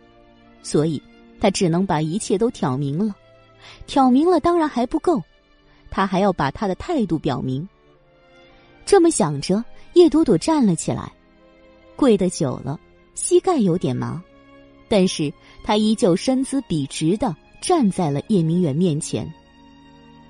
爸，其他的事情都好说，孩子的事情，你就别再打什么主意了。每个人都有他的底线，是不能被碰的。你想通过我获得什么利益，我能做到的也会配合。但是，即便你是我的父亲，也不能主宰我的婚姻。想给我来个什么商业联姻的话。那就对不起了，我不会配合的。你，叶明远没想到女儿把他的心思剖白的这么清楚，也没想到他把话说的这么直接，这么坚决。一时间，他又尴尬又生气，那巴掌又扬了起来。这一次，叶朵朵依旧没躲，她甚至没去看那只巴掌，而是只是盯着叶明远的脸。本来。他已经做好了准备，再去挨叶明远那一巴掌，却没想到这时候佣人跑了进来。老爷，外面有人来了。叶明远怔了一下，扭头看了佣人一眼，收回手臂，语气不善的问道：“谁？”他说：“他叫荣寒生。”闻言，叶朵朵愣了一下，叶明远也愣了一下。荣寒生。他重复一遍，看看叶朵朵。叶朵朵此时已经皱紧了眉头，心想：他又来干什么？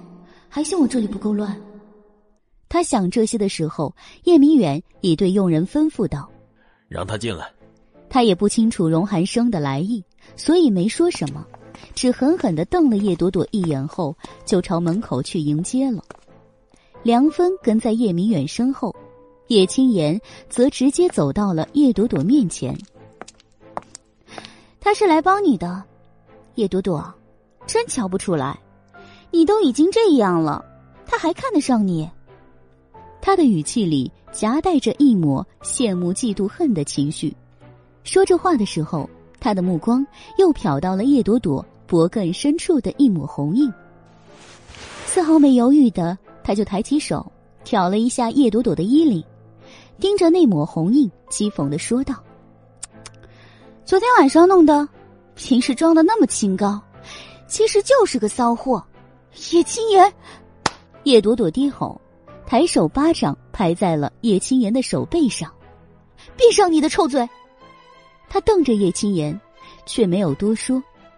此刻，他满脑子都在想荣寒生的来意，实在没工夫搭理这个嘴贱的。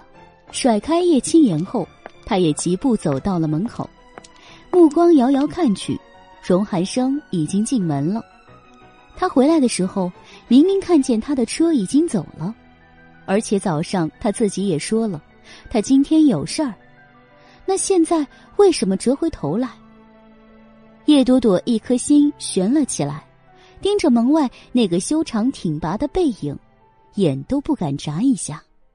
相比他的紧张，叶明远的态度较之刚才已经发生了翻天覆地的变化。他一看见荣寒生进门，就迎了上去，面上那股愤怒、那股阴沉都消失的无影无踪，瞬间换上了灿烂的笑脸。荣少怎么来了？真是稀客！稀客，当然是稀客。荣寒生这样的身份，随便钻到哪家去都是稀客。他就是一颗移动的明珠，闪闪发亮。难怪叶明远见了会笑容如此灿烂。相比之下，荣寒生的表情有些浅淡，但也带着微笑。只不过那抹微笑在瞄到叶明远身侧叶朵朵的脸时，淡了一下。这丫头挨打了，属于他的人怎么可以挨别人的打？荣寒生心中顿时不悦，目光再转回，脸上多了一抹冷寒。叶总这是在教训女儿。他直言，叶明远笑容一僵，有些尴尬。荣寒生没理会叶明远，转身就走到了叶朵朵跟前，指尖挑起，他当着叶家人的面抚了抚叶朵朵的右脸，五根指印清晰可见，在他牛奶白的肤色衬托下，显得异常的扎眼。为什么要让别人打你？荣寒生语气轻佻的问了一句，那口气似是不理解。又似乎是责问。叶朵朵这半边脸本来就被打得发烫，被他这指尖轻轻一抚，顿时就像被烙铁烙了一样，烫得难受。他立即往旁边闪了一下，同时压低声音道：“这是我的事，不用你管。你来干什么？”“我来找叶总谈点事情。”荣寒生缓缓收回手臂，自然优雅的垂在了身侧。他说的平淡，脸上也波澜不惊，完全不带任何异常的情绪。叶朵朵没吭声，叶明远凑了过来：“啊，韩少要跟我谈什么事，打个电话即可，何必亲自登门这么麻烦呢？”叶明远一听荣寒生要找他谈事，第一反应就是来了什么利润丰厚的大生意，当下他脸上又扯出那种明显谄媚的笑来。荣寒生侧目看了他一眼，淡淡的说道：“有的是电话里说不清，必须要登门拜访。”他用了“拜访”两个字，叶明远有点受宠若惊，连声道：“啊，不敢，不敢。”荣寒生也没继续跟他扯没用的话，没等他的不敢说完，就说道：“叶总方便的话，我们找个地方单独聊聊。”叶明远愣了一下，看了身旁三人一眼。好，好韩少里面请。他微微躬身，做了个手势，将荣寒生让了进去。荣寒生也不推辞，迈步就上了台阶。叶朵朵见他真的进门了，心里又咯噔了一下，反应过来就跑了过去，抓住荣寒生的胳膊：“你到底想干什么？别害我！”最后三个字，他说的几近请求。这边的事真的已经够多了。他的脑袋都要大了，这位祖宗，您能别掺和吗？哀求之意顺着他的目光流出来，完完整整的落入了荣寒生的眼里，但他却仿佛在此时开启了自动屏蔽功能，对这份哀求视而不见。多多，我跟叶总聊一会儿，听话，别闹。这温柔的嗓音毫无预警的响起。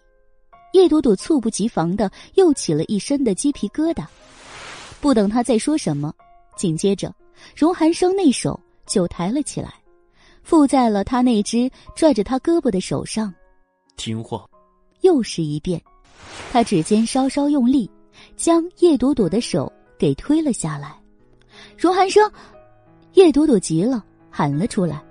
很快，他就接收到了叶明远一记白眼。朵朵。你怎么这么没有礼貌？下去。就这样，荣寒生最终被叶明远请进了二楼的书房。听得那轻巧的一声关门的声音，叶朵朵的心算是直接沉到了东非大裂谷底下去。荣寒生已经暗示了有私密事要谈，梁芬和叶青言也就留在了下面客厅，也没上去。等楼上书房门关上。梁芬才将目光收回来，看了已经颓然的坐在沙发上的叶朵朵一眼，他也凑了过去。朵朵，你跟韩少是不是在谈恋爱？被他这么一问，叶朵朵烦躁的抬起了脸。你想多了。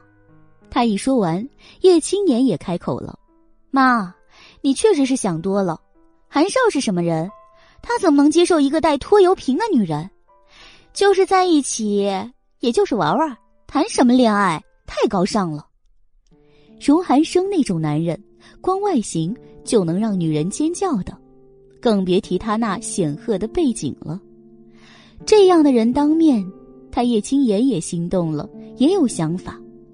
但是，一想到这人居然是为了叶朵朵才走到他家里来的，他心情就不美了。他的讥讽说完，梁芬。却没有看他，更像是没听见他说什么一样。梁芬只继续盯着叶朵朵。你们真不是在谈恋爱？此时，叶朵朵觉得梁芬这个人很莫名其妙。他老问这样的话有意思吗？还是说，难道他又打什么主意？感谢您收听都市言情小说《总裁的恶魔小七》。欢迎收听都市言情小说《总裁的恶魔小七》，作者：初寒，演播：八一六合叶儿不清，后期制作：千雪，由喜马拉雅荣誉出品。第六十八集，叶朵朵的眼里立即升腾起了警惕之意，他盯着梁峰看了一会儿，便说道：“你到底想说什么？”“哈，没什么。”也没什么，梁芬尴尬的笑了笑，忽而又瞟了叶青言一眼，目光转回，他才对叶朵朵说道：“阿姨就在想，你看，你反正有个孩子，现在想进荣家的门也是不可能的。这肥水不流外人田嘛，你有韩少这样的好资源，不如从中拉拉线。”撮合撮合你姐姐怎么样？叶朵朵瞪大眼睛，瞧妖怪一样的瞧着梁芬，她真的是一个字都说不出来了。上帝呀，天底下怎么有这样不要脸的人呢？一次次的刷新他的人类认知的底线还不够，现在简直，他已经找不到合适的词语来表达自己的心情了。粗鲁的说一句。那真是心头瞬间滚过一千万只草泥马。气过了头，叶朵朵不由得想笑。她挑眉看了一眼就在近前，眼里已经发了光的叶青言一眼，冷笑道：“哼，阿姨，莫非你以为姐姐这样结过婚，还生不了孩子的人，比我更容易进荣家的大门？”这话直接戳进了叶青言的心窝子里。叶青言那原本已经放光的脸，立刻又暗了下来。你说什么呢？结过婚怎么了？不比你未婚先孕光彩啊？孩子就你会生吗？真不要脸！秦言，别说话！梁芬立即呵斥了一句。秦言重重的冷哼了一声：“哼，有什么了不起的？”朵朵，梁芬呵斥住了叶青言后，又转向了叶朵朵，她还是一副和颜悦色的样子。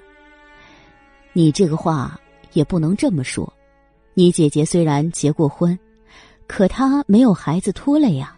你说，你拖个孩子，荣家那种地方怎么会要你？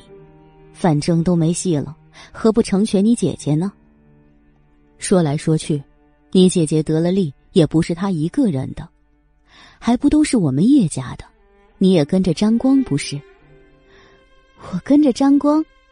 叶朵朵笑了，低眉沉默了一会儿，她才抿唇点头：“行，我试试啊。等有机会了，我就问问荣寒生的意思。阿姨，你说的也对，姐姐貌美如花，就算是结过婚，也真的没什么。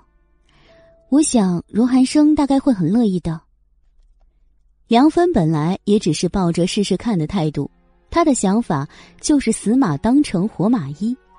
反正叶朵朵托个孩子，肯定是进不了荣家门了。自己的女儿叶青言跟他虽然关系不好，但好歹是一家人。他叶朵朵要是聪明的，就该知道叶青言得利，也就是叶家得利。叶家得利了，他这个女儿当然也跟着沾光。反正自己已经没希望了，何不成全自家人？而且，成全了自家人，对他也是有好处的，不是？所以他觉得叶朵朵没有理由反对，梁芬是这么想的。他在考虑这个问题的时候，基本上就忽略了叶青言的那些劣势条件，比如叶青言也结过婚，比如他身体有毛病不能生，还比如他现在脸上身上都有除不去的疤痕。总之，在他的眼里，他对自己的女儿有着迷之自信。叶朵朵懒得去挑破梁芬和叶青言这股子自信，他就当个笑话一样听着，也打算把它处理成一个笑话。不过现在，人家的笑话他已经顾不上看了，他很担心自己马上变成一个笑话。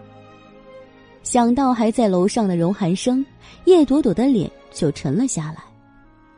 耳边梁芬喜滋滋的还在歪歪着，他却扭头朝二楼看了一眼，也不知道那两人在谈什么。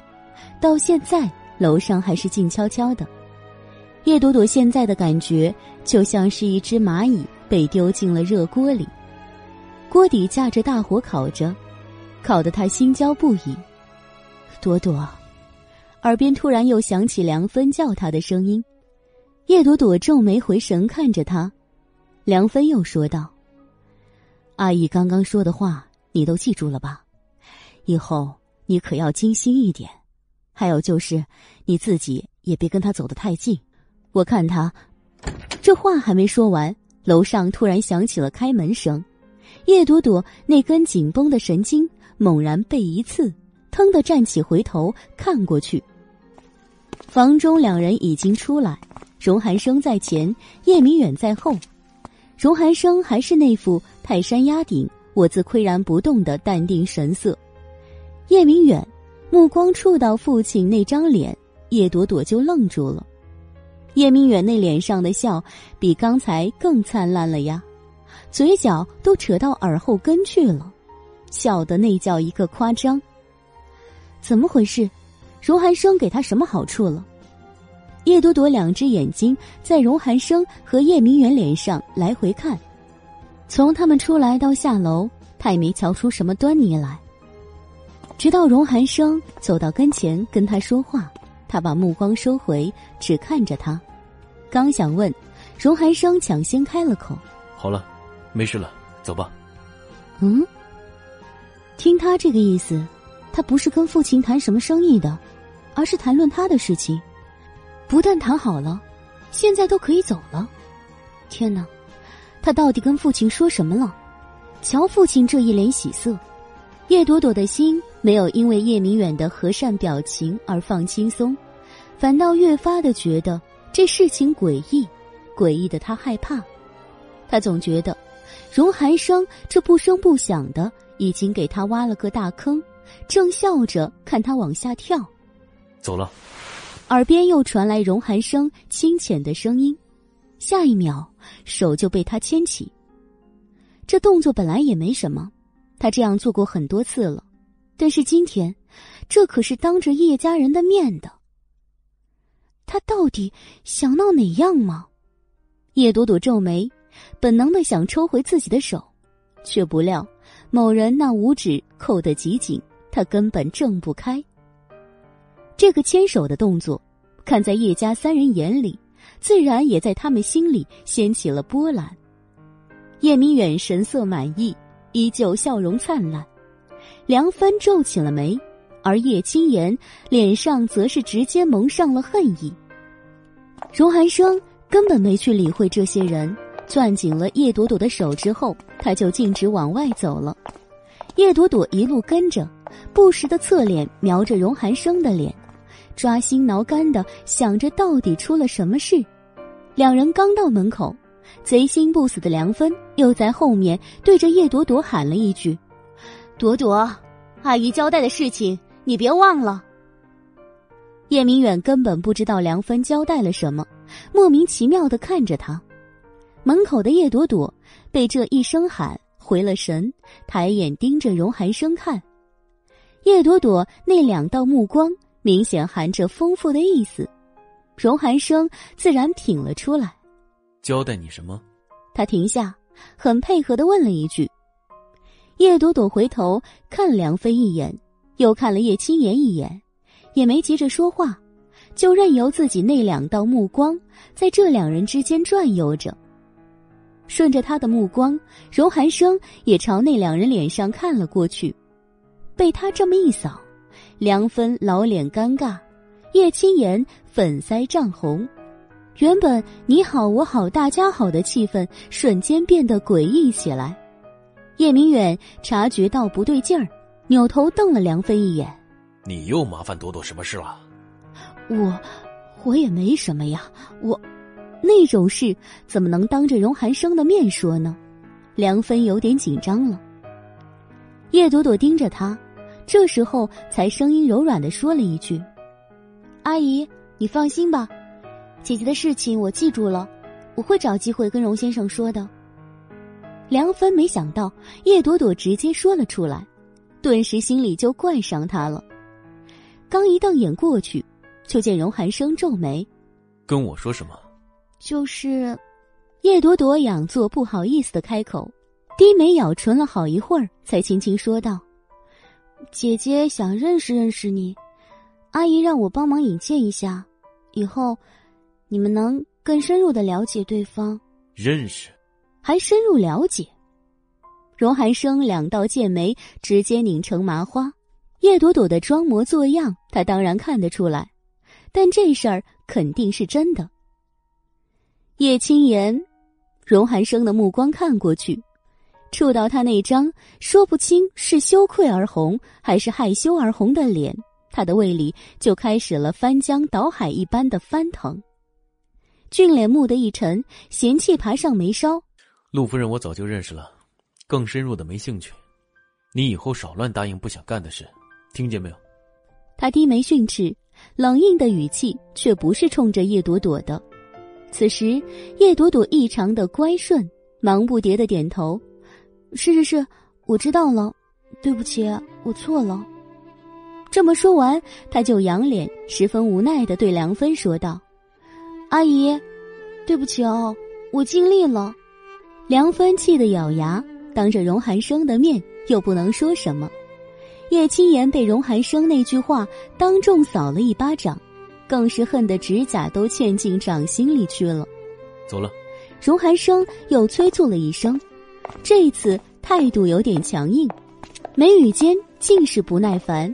说完，他就将叶朵朵给拖了出来，离了叶家这块乌烟瘴气的地方。叶朵朵还没来得及松口气，就被荣寒生给塞车里去了。好不容易稳住身形，还没等他问荣寒生到底跟叶明远谈了什么，就见荣寒生冷冷的逆向他：“你们叶家都是些什么人？”丫还在为叶青言的事情生气呢，叶朵朵撇了撇嘴：“谁让你金光四射，是个人都想扑过去呢？”我金光四射。荣寒生似乎气得不轻，一向淡漠冷静的俊荣都变了色。那种货色扑过来，我会吐。事实上，不用等叶青言扑过去了，光想到有这样的事情，他就能吐出来。哼！叶朵朵讥诮一声。懒得再说叶青言，他将话锋一转：“你到底跟我爸谈什么了？”听他将话题引到了这个问题上，荣寒生那脸上的怒色突然就散了，瞬间多了一抹让叶朵朵看了心尖发颤的诡异笑容。你猜？我猜，我猜，我猜你妹啊！这时候了，还叫他猜？叶朵朵抓狂，恨不能又扑上去狠咬某人一口。荣寒生。你玩够了没有？咱都是成年人了，能别这么幼稚吗？叶朵朵崩溃的叫道。荣寒生沉默了几秒，眸光低低一垂，薄唇勾起了一个完美的弧度，目光挑起，他才问：“你有儿子的事情，你爸是不是大发雷霆？”废话。叶朵朵没好气的瞪了他一眼。荣寒生也不恼，依旧挂着浅笑：“他是不是还逼着你把那个男人带回家看看？”废话，除此之外，叶朵朵已经没有更合适的词送给他了。荣寒生淡淡点头，嗯，所以呢，你觉得我应该说什么才会让你父亲心花怒放？什么意思？叶朵朵脑袋有点打结，她侧脸盯着荣寒生，不自觉的抬手咬住了指甲。荣寒生看了一眼他那只手。伸手将这只肤色如玉的小手给拽了下来，脏死了。叶朵朵完全没有心思去品味他这句话里的温柔，她只纠结于他刚才的问题：“你到底说什么了？”猜，又丢了这个字。这男人仿佛玩他上瘾，看他越着急，他越愉快。他刚刚捉下来的那只手也没丢开，而是捏在了自己手上。无聊的把玩着他的几根手指头，从食指到小指数了一遍，又从小指到食指再数一遍。叶朵朵顺利的被他给气疯了。我猜你妹啊！你爱说不说，不说拉倒，滚！再也不想看见你。他猛地抽回手，一转身，不管不顾的就准备去拉车门。车轮早已经转起，他现在下去就是作死。但是他宁愿作死，也不想再对着这个男人了。回来，荣寒生适时出声，伸手恶劣的拎着他的后领，将他拽了回来。我告诉你，他说。叶朵朵放弃了跳车的念头，转眸瞪着他。几秒后，自荣寒生的薄唇里飘出来如下的话：“我跟你爸说。”荣寒生的语速特别的慢。好像在故意撩拨人的神经，说了几个字，还停顿了一下，惹得叶朵朵极想揍人。说什么了？快点！他催促着，伸手推开那个朝他越靠就越紧的男人。我说：“我是你儿子的爸爸。”荣寒生一句轻巧的话飘来，叶朵朵瞬间变成了石头人，瞠目结舌半天，他才哆哆嗦嗦的问：“你你你说什么？”他怀疑他的耳朵出了问题，对，一定是耳朵出问题了。为了验证是不是耳朵的问题，他还伸手拽了拽自己的耳朵。荣寒生被他这副呆样子逗得想笑，抬手捉住叶朵朵那只手，攥在手心，抿唇说道：“别拽耳朵了，拽掉了也没用。我确实是这么说的。”荣寒生，你疯了吗你？叶朵朵惊天一吼，声音响得惊得伊森手一抖，车都跟着打滑了。荣寒生嫌弃的皱眉，薄唇弧度讥诮：“我以为我很正常，那是你以为有正常人乱跑到人家家里认儿子的吗？难怪了，叶明远那张脸都笑出了褶子。荣寒生这么一认还得了，他可不就是荣家的少奶奶了？”叶子熙可不就成了荣家的第三代继承人？他是不知道荣寒生到底怎么跟叶明远说的这些，但有一点可以肯定：只要荣寒生稍稍透露了这么一点讯息，叶明远一定会脑补出以上的结果。然后，没有然后了。叶朵朵猛地抽回自己的手，一口洁白的小牙快要咬碎了。荣寒生。你就是用这一招，打算跟我耗到底是不是？他瞪眼质问，眼中跳跃着欢腾的火苗。荣寒生迎着那簇越烧越旺的火苗，轻巧的嗯了一声：“恭喜你，答对了。”这一招简直太好了。这女人不是一直在逃避吗？这下好了，总有一个让她避无可避的理由。她再怎么避，都避不开叶明远那张嘴。有了叶明远在旁助澜，事情要顺利的多。荣寒生脸上得意尽显，叶朵朵见他回答的如此爽快，更是气得肝儿疼。缓了好半天，他才用十分不理解的语气质问荣寒生：“你这么放肆，你妈知道吗？你就这么给他认了个孙子，他不跟你拼命？”我妈不会知道的，这点不劳费心。荣寒生轻笑。再说，我好像也没跟你父亲说什么，我只是跟他说，我跟你六年前就认识，有些事情不好明说，让他不要再为这件事责罚你了。当然，我还没告诉过他，现在时机不对，希望不要把这件事情宣扬出去。所以我想，他大概不会跑到我父母那里去说什么。你这说的还不够明显，这暗示还能再明白一点吗？叶朵朵瞪得眼珠子都要快掉下来了，荣寒生却仿佛很无辜的挑了挑眉：“我确实没说什么呀，我没说叶子熙是我的种，他要那么认为，一定是他脑补过头了。”荣寒生，你你，叶朵朵伸手戳着荣寒生的鼻尖儿，气得发抖，也拟不出什么结果出来。荣寒生看着他，表情很愉悦，样子。很满足，仿佛十分欣赏自己的杰作。气氛在一怒一喜间凝滞了一会儿。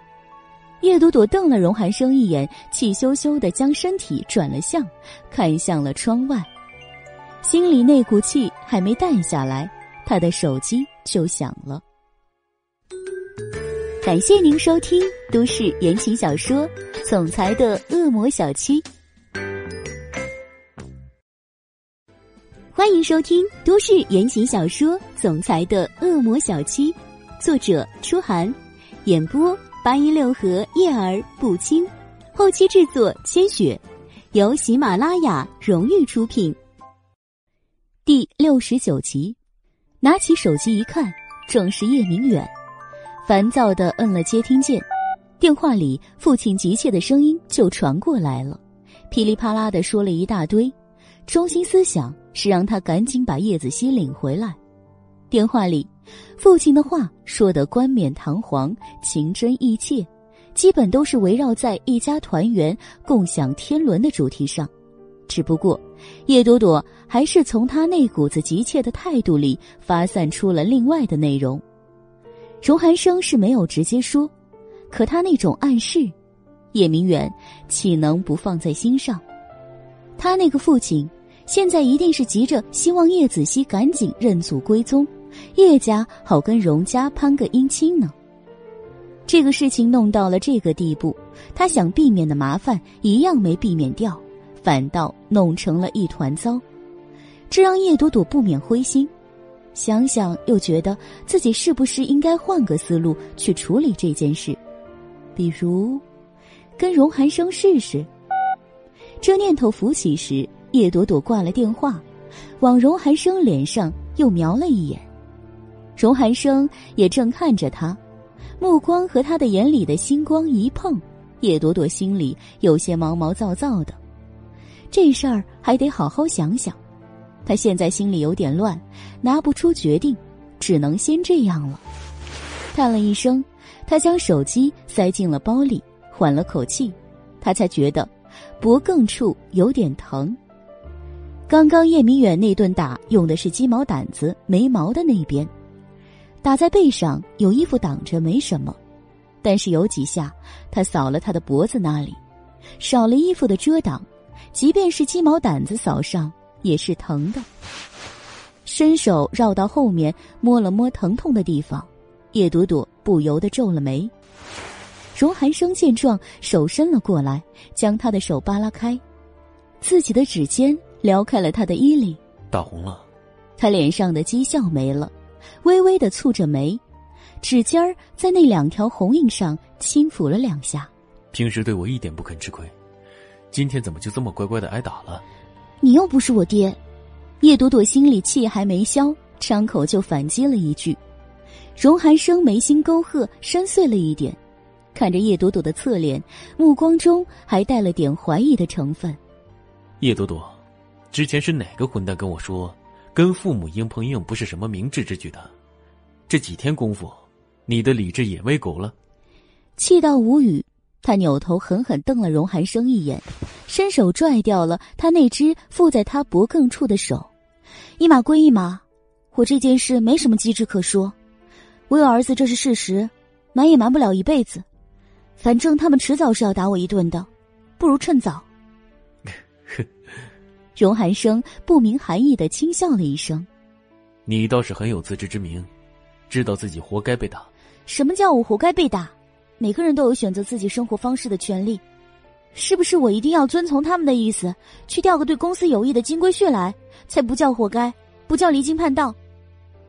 叶明远骂他、打他，他都能理解，唯一让他心里不舒服的是，他竟然还想拿他去换取利益。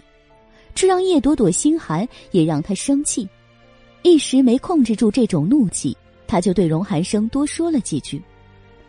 荣寒生看着他蒙着的怒气，又透了失望的小脸，目光沉了沉，眼帘垂下。过了一会儿，他才勾了勾唇，不知是自嘲还是讽他的笑了一声：“你的活该不在于此，你的活该在于……”停顿。他突然伸手撩起叶朵朵的下巴，目光灼亮逼人的看着他。叶朵朵，你怎么可以在遇见我之前生了孩子？眼前这男人眉峰轻蹙，目光似灼热也暗沉，带着点儿不悦的质问，又仿佛闪动着某种无可奈何。这个瞬间，叶朵朵承认，她被荣寒生这副样子触动了，一时间心里涌上了许多复杂的情绪。沉默了一会儿，他才强按下紊乱的心绪，撇开了脸，低眉想了想，他才开口说道。让我想想吧，别逼我，我很拗。这次换荣寒生愣怔了，叶朵朵也没抬头正视他，他现在只能看到他半垂的侧脸。在荣寒生的经验里，他很少看到叶朵朵这副样子，很认真，也很纠结，似乎还带着一点让人心疼的脆弱。是他真的逼得太紧了。荣寒生眼底没过一抹暗色，沉默了一会儿，目光收回，淡淡一笑：“好，那么我们就走正常的程序好了。”他语气轻松，叶朵朵又呆了几秒。你也认同你现在很不正常？为达目的，偶尔用点非常手段也是可以的。荣寒生神色傲然。眉宇间带着他这种人才有的无比自信情绪，想了想，叶朵朵皱眉说道：“那你的正常是什么？一个不正常的人，他嘴里的正常，大概也正常不到哪儿去。”他这么想着，只见荣寒生忽而一展眉，盯着他，便说道：“我只能答应你不再逼你，不过，你也得答应我，不再拒绝。”这是什么话？要死了，他是智障了吗？为什么理解不了这个话里的逻辑性？不许他拒绝，说来说去还不是逼他？他脑子里到底怎么想的？叶朵朵看着荣寒生的脸，蹙眉想着这男人的脑回路到底是什么样子的。幸好，为了拯救他的智商缺陷，荣寒生自己做了解释。我可以不再逼着你跟我确定关系。但是其他的事要听我的，我约你不许说不，不许找各种理由搪塞，必须开开心心，像这个样子。他的手抬起，又像之前那样捏住了他的两颊，把他扯成了大嘴蛤蟆。叶朵朵忍着脸颊的疼痛，思考了几秒，终于算是有点明白荣寒生的意思了。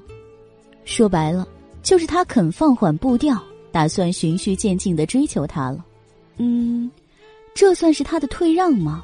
好吧，他能退一步是一步，哪怕只是暂时让他松口气也好。这么想着，叶朵朵挥手拍掉了荣寒生的手，揉了揉腮帮子，说道：“那你也得保证，除了正常的交往之外，别再出什么幺蛾子。”我尽量。荣寒生一言，叶朵朵又瞪了他，不等他说什么。荣寒生那根修长的手指就压了过来，直接压在了他的唇瓣上。看你乖不乖？唇上微热，男人喝出的气息同样暧昧。叶朵朵心头一跳，没好气的扭过头，避开了他的长指。这个时候，他的手机又一次响了，这一次是袁木。电话一接通，袁木说了一句，叶朵朵的魂就惊掉了。多多，你快回来一趟，子熙出事了叶子熙被绑架了，这是叶朵朵在后面的五分钟里脑子里唯一回荡的一句话。慌了好一会儿，他才把原木的话提炼了一遍。没他的管教，叶子熙又跟他那些狐朋狗友们玩过了头，闯祸了。这次惹了当地最有实力的一个黑势力组织，人家报复下了狠手，把那几个捣蛋都抓了。袁木在那边说完，叶朵朵气得脸色铁青，紧紧攥着手机，恨不能把他当叶子熙给扔了。那个不长记性的，说过多少遍了，让他消停消停点，就是不听。现在好了，惹事了，小命被攥在人家手里，怎么办？气得七窍生烟，叶朵朵一边听袁木催他过去，就朝那边吼了一句：“不去了，让他自生自灭吧。”一声吼完后，叶朵朵又气得把手机砸在了旁边的座位上。荣寒生拾起他的手机看了看，你儿子闯祸了。他儿子，不是他的儿子吗？都怪这个死男人，上梁不正下梁歪。叶朵朵顺利的把火气转向了荣寒生，不要你管，送我去机场。再怎么生气，儿子还是儿子，心肝宝贝，他能不着急吗？叶朵朵眉目锁紧，脸上神采全无，又阴沉又焦虑。他伸手将荣寒生手里的手机夺了过来，见他没吭声，又忍不住催促了一遍：“送我去机场。”伊森，荣寒生喊了一声，伊森会意道：“是，马上去机场。”车转向去机场的路，叶朵朵紧攥着手机，不再说话。荣寒生没开口，一路沉默到机场。下车的时候，荣寒生也跟了下来。叶朵朵现在心急如焚，没去问他为什么跟来，他就直接跑到了服务台去问到 Z 市最快的航班。也是赶巧的，工作人员告诉他，到 Z 市半小时之后就有航班起飞，现在还有空位。叶朵朵一听，心中大喜，当即跑去窗口递上了身份证，一张去 Z 市的机票，谢谢。工作人员接过他身份证的同时，他眼前又晃出一张身份证来。两张。叶朵朵扭头看向荣寒生：“你也去？”“嗯。”就这么一个字。叶朵朵皱了眉：“你不是有事吗？”“现在没有了。”“可是，不，不，这是我的事情，不用麻烦。”叶朵朵有些莫名其妙的抵制，荣寒生却没让他把话说完，就眉目微微一沉。叶朵朵，这个时候你应该把你儿子的安全放在第一位。我去对你只有好处，不要让你那个可笑的自尊耽误了时间。他语气稍显犀利，说完之后，直接将身份证递给了工作人员。两张，不用理他。好的，稍等。工作人员眼里，荣寒生显然更有说服力一些。很快，两张机票就递了过来。走吧。荣寒生一手接了机票。一手牵起了叶朵朵的手，看着身边这个俊朗出尘又冷静沉着的男人，叶朵朵终究还是把拒绝的话给吞了下去。荣寒生说的也没错，现在最要紧的是叶子熙那个小混蛋的安全。至于此行会不会让他和荣寒生的关系暴露，他已经顾不上了。上了飞机，一路沉闷。两个多小时后，飞机落地。袁木早已在机场等候，看见荣寒生，他还愣了一下。叶朵朵没有心思去品味袁木眼底那点暗色，见了他就急着问道：“袁师兄，子熙到底是怎么回事？到底是什么人绑架了他？现在怎么样了？”听着他的追问，袁木才将目光从荣寒生脸上收回。福清会，你知道吗？今天早上老师给我打电话说，子熙没去学校。我联系不上他，本来以为他到哪儿调皮去了，找了一圈没找到，结果到我给你打电话前十分钟收到一个电话，是福清会的人打来的，说子熙在他们手上，因为坏了他们的事儿，现在要求一千万赎金放人。福清会，叶朵朵蹙眉低喃，忽而又惊呼了一声：“你是说子熙被福清会的人绑架了？”听到这里。荣寒生插了一句：“福清会，老大是刘福清，人叫清哥的那个。你认识？”叶朵朵眼里顿时放光，没想到荣寒生却只朝他摇了摇头：“不认识。”“不认识？你叫什么？”叶朵朵被噎了一下，气不顺。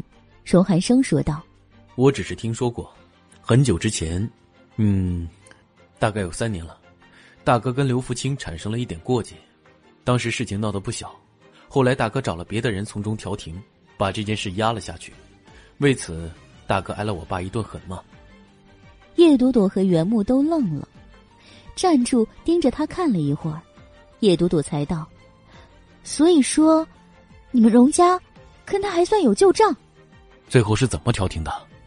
袁木抓住了重点，追问了一句。荣寒生皱眉，抬手摁了摁额头。颇有些无奈的回道：“以暴制暴。”大哥找了更有实力的人，花钱买了刘福清的一只手，所以现在那位亲哥应该只有一只手。什么？叶朵朵瞪大眼睛，真恨不能现在荣耀在眼前能撕了他。一天到晚除了惹事，不知道还能干什么。这种怒气转向了荣寒生，他立即就说道：“那你也不用跟我来了，回去吧，免得见了人没说服人家放人，反倒激怒了人家，害了我儿子。”荣寒生神色一暗，非常排斥这样的话。我没说要去说服他放人，还有，大哥的事情跟我无关，不许把怒气发到我头上。现在回去好好想想怎么救你儿子。荣寒生眉目冷凝，话还没落音，就一把攥住了叶朵朵的手，犀利又执拗的盯着他。两人僵持着，最后荣寒生打破了这僵持，攥着他的手，直接拽着他走向了停车场。袁木见状，上前一步说道：“多多，那边就是想要钱，没捡钱的时候不会伤害子熙的。我们先回去好好商量一下，然后拿出个办法。”再去找他们。他一边走一边说：“本打算引他们到自己的车跟前，却不想，没走多远，竟有人迎了过来。老大，来人西装革履，一身深蓝西装，笔挺有型。可这一声称呼把叶朵朵给吓了一跳。你怎么在这里？也有手下？他惊讶的盯着荣寒生。荣寒生边走边凉凉的睨着他。我不会只身一人到一个不熟悉的地方办事，能力再大，没有跑腿的人，效果都要打折。神从哪来的？不用你管。四个字把叶朵朵给堵了回去。这些人不是最城的，而是从旁边邻近的省市赶过来的。那边有集团的分公司，负责人刚好又是他的人，抽调几个人过来很容易。但这些他没有必要跟叶朵朵说。眼下要紧的是救出叶子熙那个小东西。脑中闪过叶子熙的那张颇为嚣张的小脸，荣寒生心里不由得沉了沉。袁木在他们快到车边的时候追上了他们。多多，去我那儿吧，我们好好合计合计。他的话刚说完，就被荣寒生冷声打断了。他自己没有住处吗？雨碧冷眼一扫叶朵朵。叶朵朵知道这男人的霸道脾气犯了，懒得跟他磨时间，便对袁木说道：“回我家吧，我家比较近。”匆忙中，他找不到合适的理由，随口就扯了一个烂借口。袁木看了荣寒生一眼，目光暗淡，点了点头：“那好吧，你们先走，我随后。”嗯，叶朵朵应了一声，淡淡的说道：“谢谢你，袁师兄。”袁木一笑。应该的，毕竟，他瞄了荣寒生一眼，突然说了一句：“子熙也叫我爸爸。”叶朵朵愣了一下，随后想起叶子熙曾经跟他交代过，在地勤办公室里发生过的那个梗来。那件事事后，他也没跟荣寒生求证过什么，但是从荣寒生的态度来看，他肯定已经知道了原木跟叶子熙无关，所以。原木刚刚来这么一句，大概也刺激不了他。这当然是叶朵朵一厢情愿的想法。等他扭头看荣寒生的时候，他就发现他想多了。这男人的脸分明已经阴得快滴水了，看来又是情商欠费、智商不足了。没办法，他就这样见怪不怪。叶朵朵懒得理会，又怕荣寒生跟袁木争起来，耽误时间。干脆也不避讳什么了，拉了他一把，赶紧走吧，别耽误时间了。见他小手拽住了自己的衣袖，荣寒生这脸色才多云转晴。为此，他颇有些得意的挑了袁木一眼，才放柔了声音说道：“好。”叶朵朵很无语荣寒生这等孩子气，心里又暗暗恼火。这个时候，袁木还挑事儿，但这些现在都不好说。他只想赶紧回去商量事儿，把荣寒生拽走。叶朵朵自然也跟着上了他的车。路上还算平静。到了叶朵朵住的公寓之后，进门又是一股子霉味儿。问明白才知道，叶子熙自叶朵朵走了后，就一直跟袁木住在一起。荣寒生那好不容易晴了的脸又瞬间转阴了。幸好他这回终于理智了一点，没说什么。叶朵朵稍微收拾了一下之后，三人坐了下来。袁师兄，你把情况再仔细说一遍。那个小混蛋怎么会惹上福清会？他是不是又干了什么不要命的事了？叶朵朵焦急的问。荣寒生听他一个“又”字，瞬间皱眉看着他。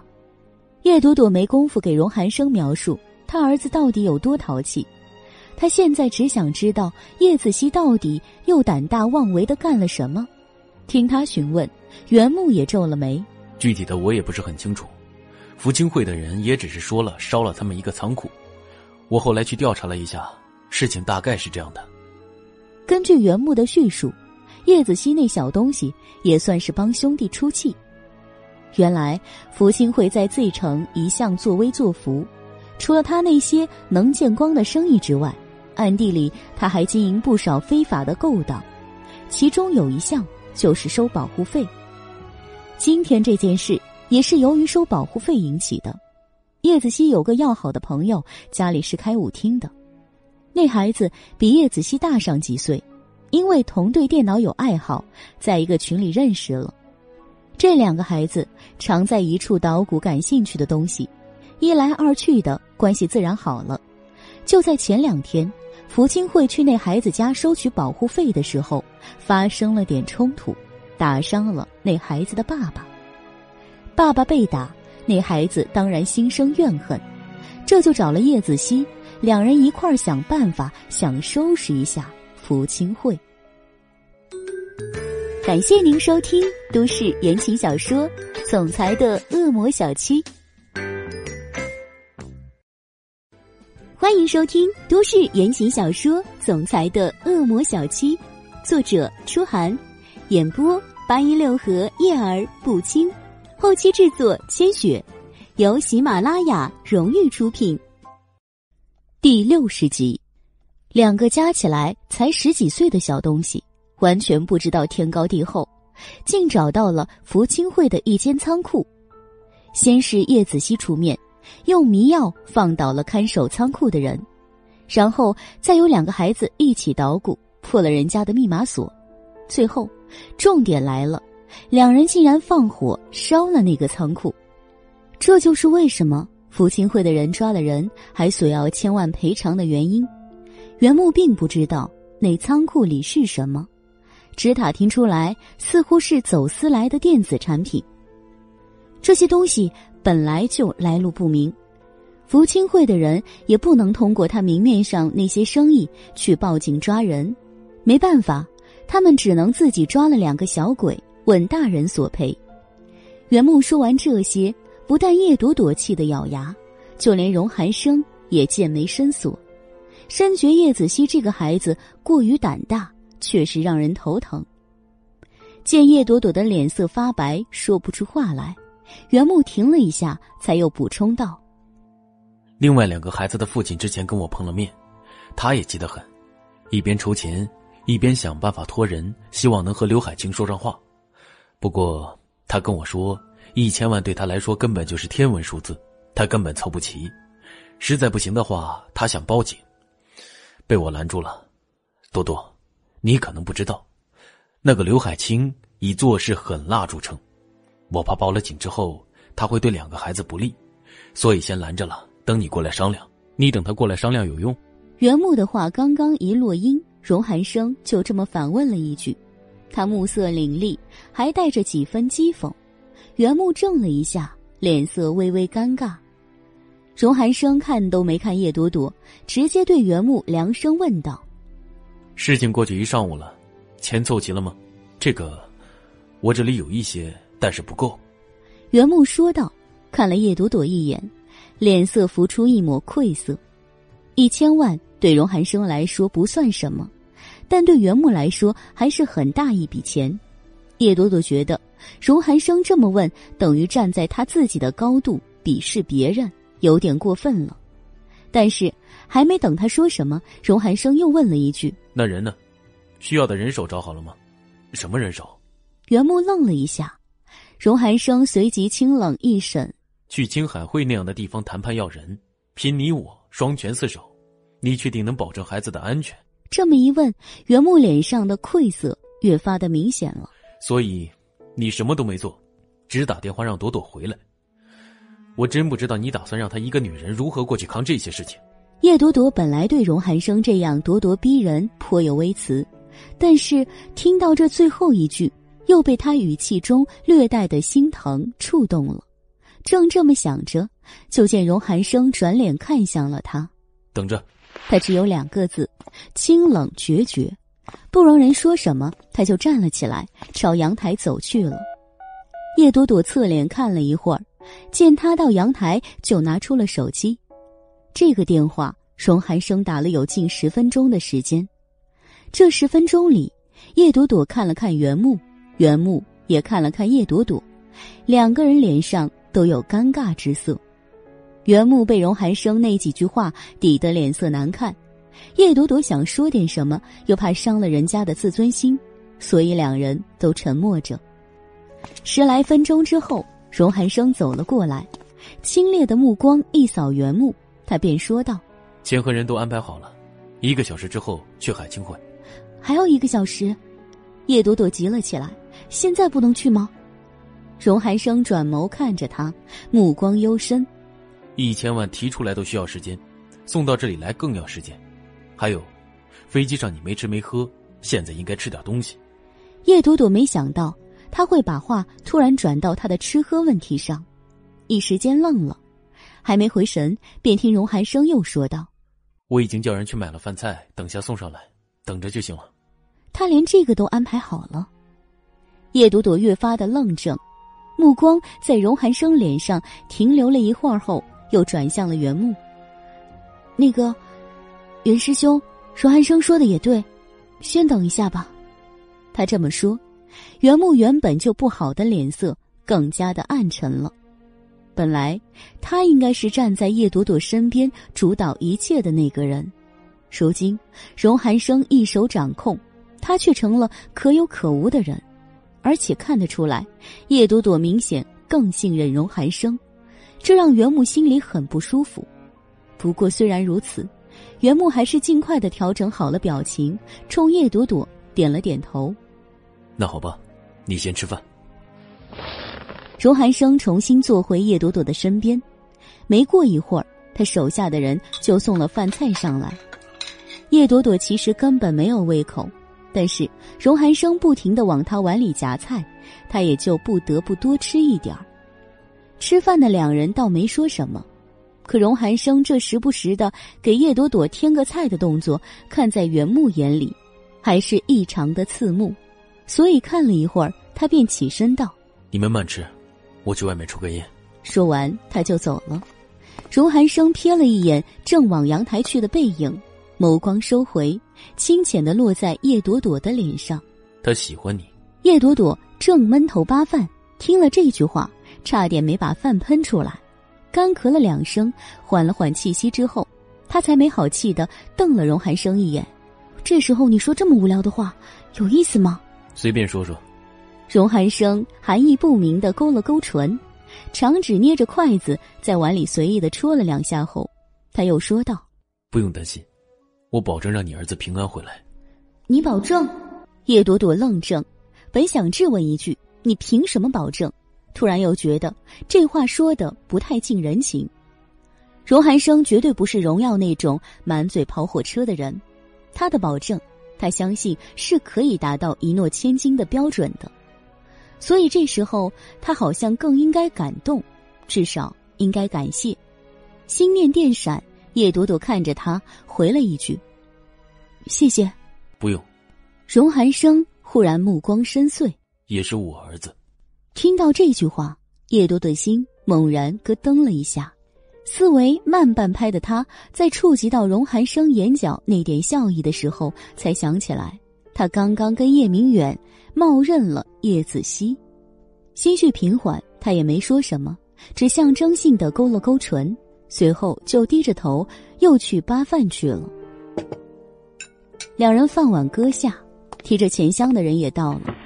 这点钱对荣寒生来说不算什么，所以叶朵朵连谢都没谢他，只想着事情解决后再说这些。出门后，荣寒生也没问原木海清会的老巢在哪，只由自己的人领着就过去了。叶朵朵见他这么沉着，事情也都在他的掌控中，心也跟着松了松。倒是原木出门后就给另一个孩子的父亲打了电话，约了在前面一个路口会合。他在讲这个电话的时候，荣寒生侧目，颇有些不高兴的看了他一眼，不过也没说什么。上了车之后，叶朵朵一直侧着脸，沉默的看着窗外。街景飞逝，这城稍显浓重的雾霾天，让叶朵朵的心又开始有了紧张窒息感。不知过了多少时候，他搭在腿上的一只手被荣寒生攥在了手心。别担心。他大概不擅长劝说别人，说出话都是硬邦邦的，一点都不自然。叶朵朵回头看了看，也没了平日那股跟他斗嘴嬉笑的心思，只沉沉的叹了一声：“他那个孩子，总是这么不省心，怪我，从小太溺爱，没有管教好，现在又不在他身边，让他更加无法无天。”他的眼中水色弥漫。轻蹙的眉宇间凝着浓重的自责和揪心，荣寒生的心莫名的跟着一沉，五指稍稍一紧，说道：“小孩子多半如此。再说他也没什么不好，替朋友帮忙很有义气。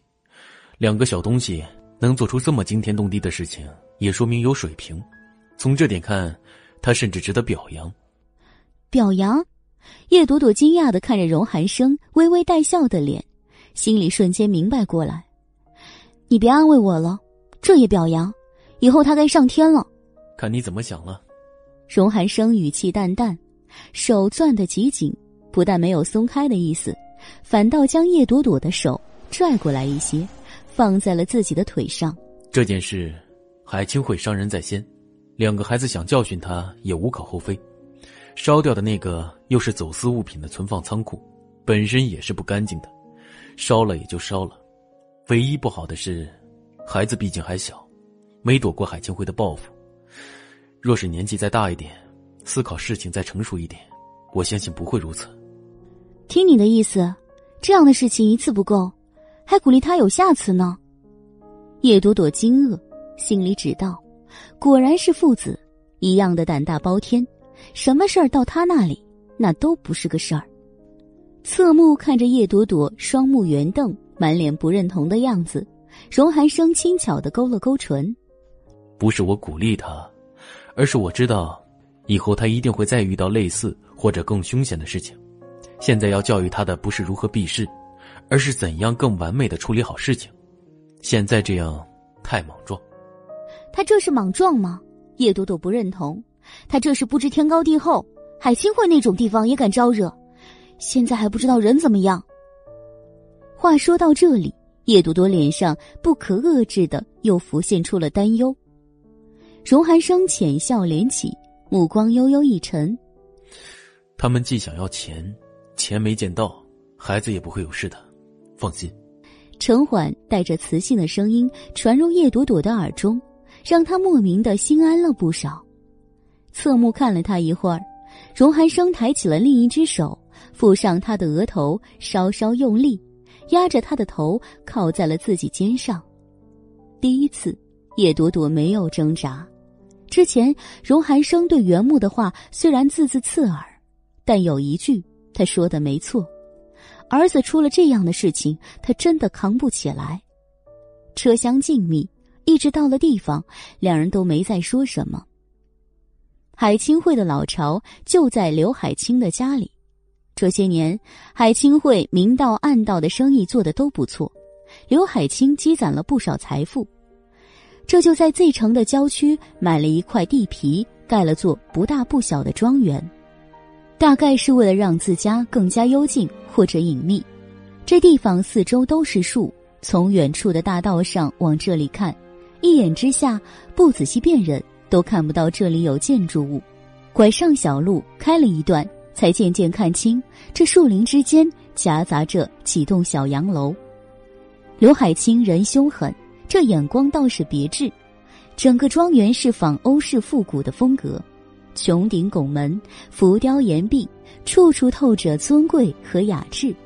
这些让叶朵朵惊愕，也让荣寒生对着他们冷冷嗤笑了一声。一行人在庄园外停留了近二十分钟，回去报信的人才回来开门。进了里面，又开着车七弯八绕了几分钟之后。车才在对方的指引下停在了一处空地上。终于进了其中一栋别墅的主屋，进去后也没见到刘海清。客厅里的各角落站着几个黑衣保镖，这些人个个负手而立，气势不凡。由此可见，海清会能在几年间做大，也不是没有道理的。叶朵朵随眼一瞄着阵势，心就又提了起来。只暗暗的祈祷叶子熙那个小东西千万别有事才好。他们进来的时候，人家让他们等着，说刘海清还在午休，不能吵醒。叶朵朵心急，刚想说话，被荣寒生拦了一下，看了看荣寒生，他这才将急躁的情绪压了下去。被荣寒生拉着在沙发上坐了有半个小时，楼上才终于传来了动静。二楼自走廊走出一个人，四五十的模样，穿着灰白色的唐装，中等身材，偏瘦，板寸头，尖脸，皮肤偏黑，一双眼睛不大，却目放金光。就这种人，走大街上瞄一眼就知道不是好惹的主。叶朵朵的心都往上一提，腾的一下站起来，没等那刘海清下来，就冲口而出。问了一句：“我儿子呢？”闻言，刘海清抬眼看向他，他也没说话，反倒先笑了起来。荣寒生和袁木等人跟着站起时，刘海清才走到楼梯中段。叶朵朵越着急，他越是不急，甚至叶朵朵觉得他的脚步刻意放慢了。忍不住，叶朵朵疾步奔了过去：“我问你，我儿子呢？”他还没奔到楼梯口，就被箭步冲过来的保镖拦住。这时，荣寒生跟过来，伸手将叶朵朵拉到身边。别着急。他的话音短促低沉，带着点命令的口吻。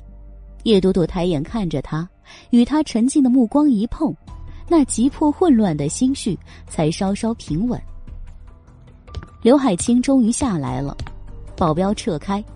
他走到叶朵朵和荣寒生面前，含笑，却透着阴寒的目光，在两人的脸上扫了一遍。哪个是你的？他盯着叶朵朵，袁木忙答道：“小的，小的。”刘海清重复一遍，看着叶朵朵，稍稍的一抬手：“你是他妈？那……”他的手又抬向了原木：“你是他爹，还是你？”那只手最后停在了荣寒生面前，叶朵朵这才看见他的这只手指到手腕处，手掌缺失。看见那光秃秃的手腕，叶朵朵倒抽了一口凉气。断腕之痛，谁也不会忘记。要是他知道面前这人是荣家人，那叶子熙不敢再想，他立即就想否认两个人都不是。却没想到，还没等他把这个念头落实，就听荣寒生接了一句：“我。”叶朵朵怕的就是这招。别说荣寒生现在一直自诩是叶子熙的爹，就算不是这样的情况，当着袁木的面赌口气，他也很可能会这么说。果然，被他不幸言中了。他了解荣寒生的脾气，知道此时跟他争这个只会起到反作用。所以，即便心里焦急，他也只能忍了。叶朵朵在想这些的时候，刘海清那双犀利的眼睛也在荣寒生脸上转悠。转悠了一会儿，他笑了笑：“哼，好，钱带来了吗？”没等荣寒生答话，一直焦急的站在袁木身边的人也问了起来：“那我儿子呢？”刘海清一愣，转脸看着他，皱了眉。你们不是一家的，不是，那个大的是我的儿子，金哥，我知道我儿子莽撞了，惹了你，您高抬贵手放了他，损失我，我们尽量赔。以后保护费我也按时交，绝对不拖欠，求求您。孩子父亲很急，奔过去躬身哀求。刘海清没有动容，只拿那双眼睛讥诮的瞟了男人一眼。哼，钱呢？还是这句话，见钱说话就是这种人。没看到真票子，他连话都懒得说。叶朵朵知道这家钱没凑齐，今天也只带了不到一半。扭头看去时，这孩子的父亲果然变了脸色。钱，钱，我带来了一些。青哥，能不能让我先看看孩子？如他们一样，这位父亲最担心的也是孩子的安危。一些是多少？刘海清完全没理会他的焦急，追问数额。男人面如土灰，低头搓了半天手，才支支吾吾的说道：“四。”四百万，实际上他还是多说了。刚刚来的时候，他说他只有三百八十万。一听这话，刘海清突然狂似的笑了起来。四百万，你耍我呢？我说一千，你给四百，你当我刘海清说话放屁呢？话音未落，他的手臂居然扬了起来，对着男人的头就砸了下来。叶朵朵没想到这人情绪突变，更没想到荣寒生的手更快一步。等他回过神来，刘海清的手臂已经被荣寒生给攥在了手里。几百万而已，青哥何必动怒？荣寒生手上暗暗使力，硬生生的将刘海清的手臂压了下来。刘海清没想到，在这种场合下，还有人管别人的闲事，他也怔了一下。目光转回，看向荣寒生，阴恻恻的笑了笑。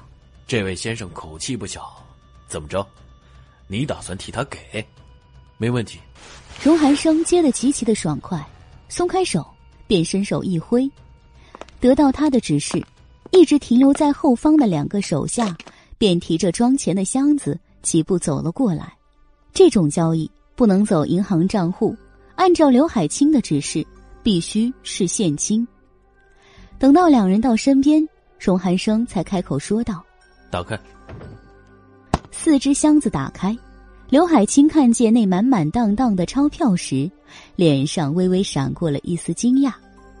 看了几秒，他抬手招过一人，那人蹲下来，随手上下翻了翻，又捏了几张出来甩了甩，最后才站起来说道：“青哥是真钞。”刘海清满意的点头，抬头看向荣寒生，看得出来，你是个人物，也懂事。不过，这是那个小的赎金，大的呢？现在去取，半小时内送到。荣寒生清朗回道，丝毫没有拖泥带水。但是，先看孩子，孩子无恙，钱是你的。刘海清沉了脸，皱着眉头，似在犹豫。见他见了钱还这样，叶朵朵忍不住发了火：“钱你都看了，你难道不该让我看看儿子吗？”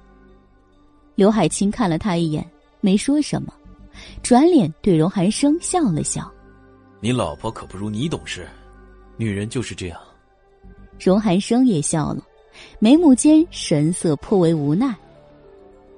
刘海清沉默了几秒，改了口风：“好吧。”既然难得碰上你这么明白事儿的人，我也破个例。这话说完，他抬手招呼一个手下，耳语了几句。那手下得了命令，转身出去。他才又看向荣寒生：“先坐一会儿，不着急。”刘海清说的云淡风轻，说完就从叶朵朵和袁木之间穿了过来，直接走向了客厅沙发。感谢您收听都市言情小说《总裁的恶魔小七》。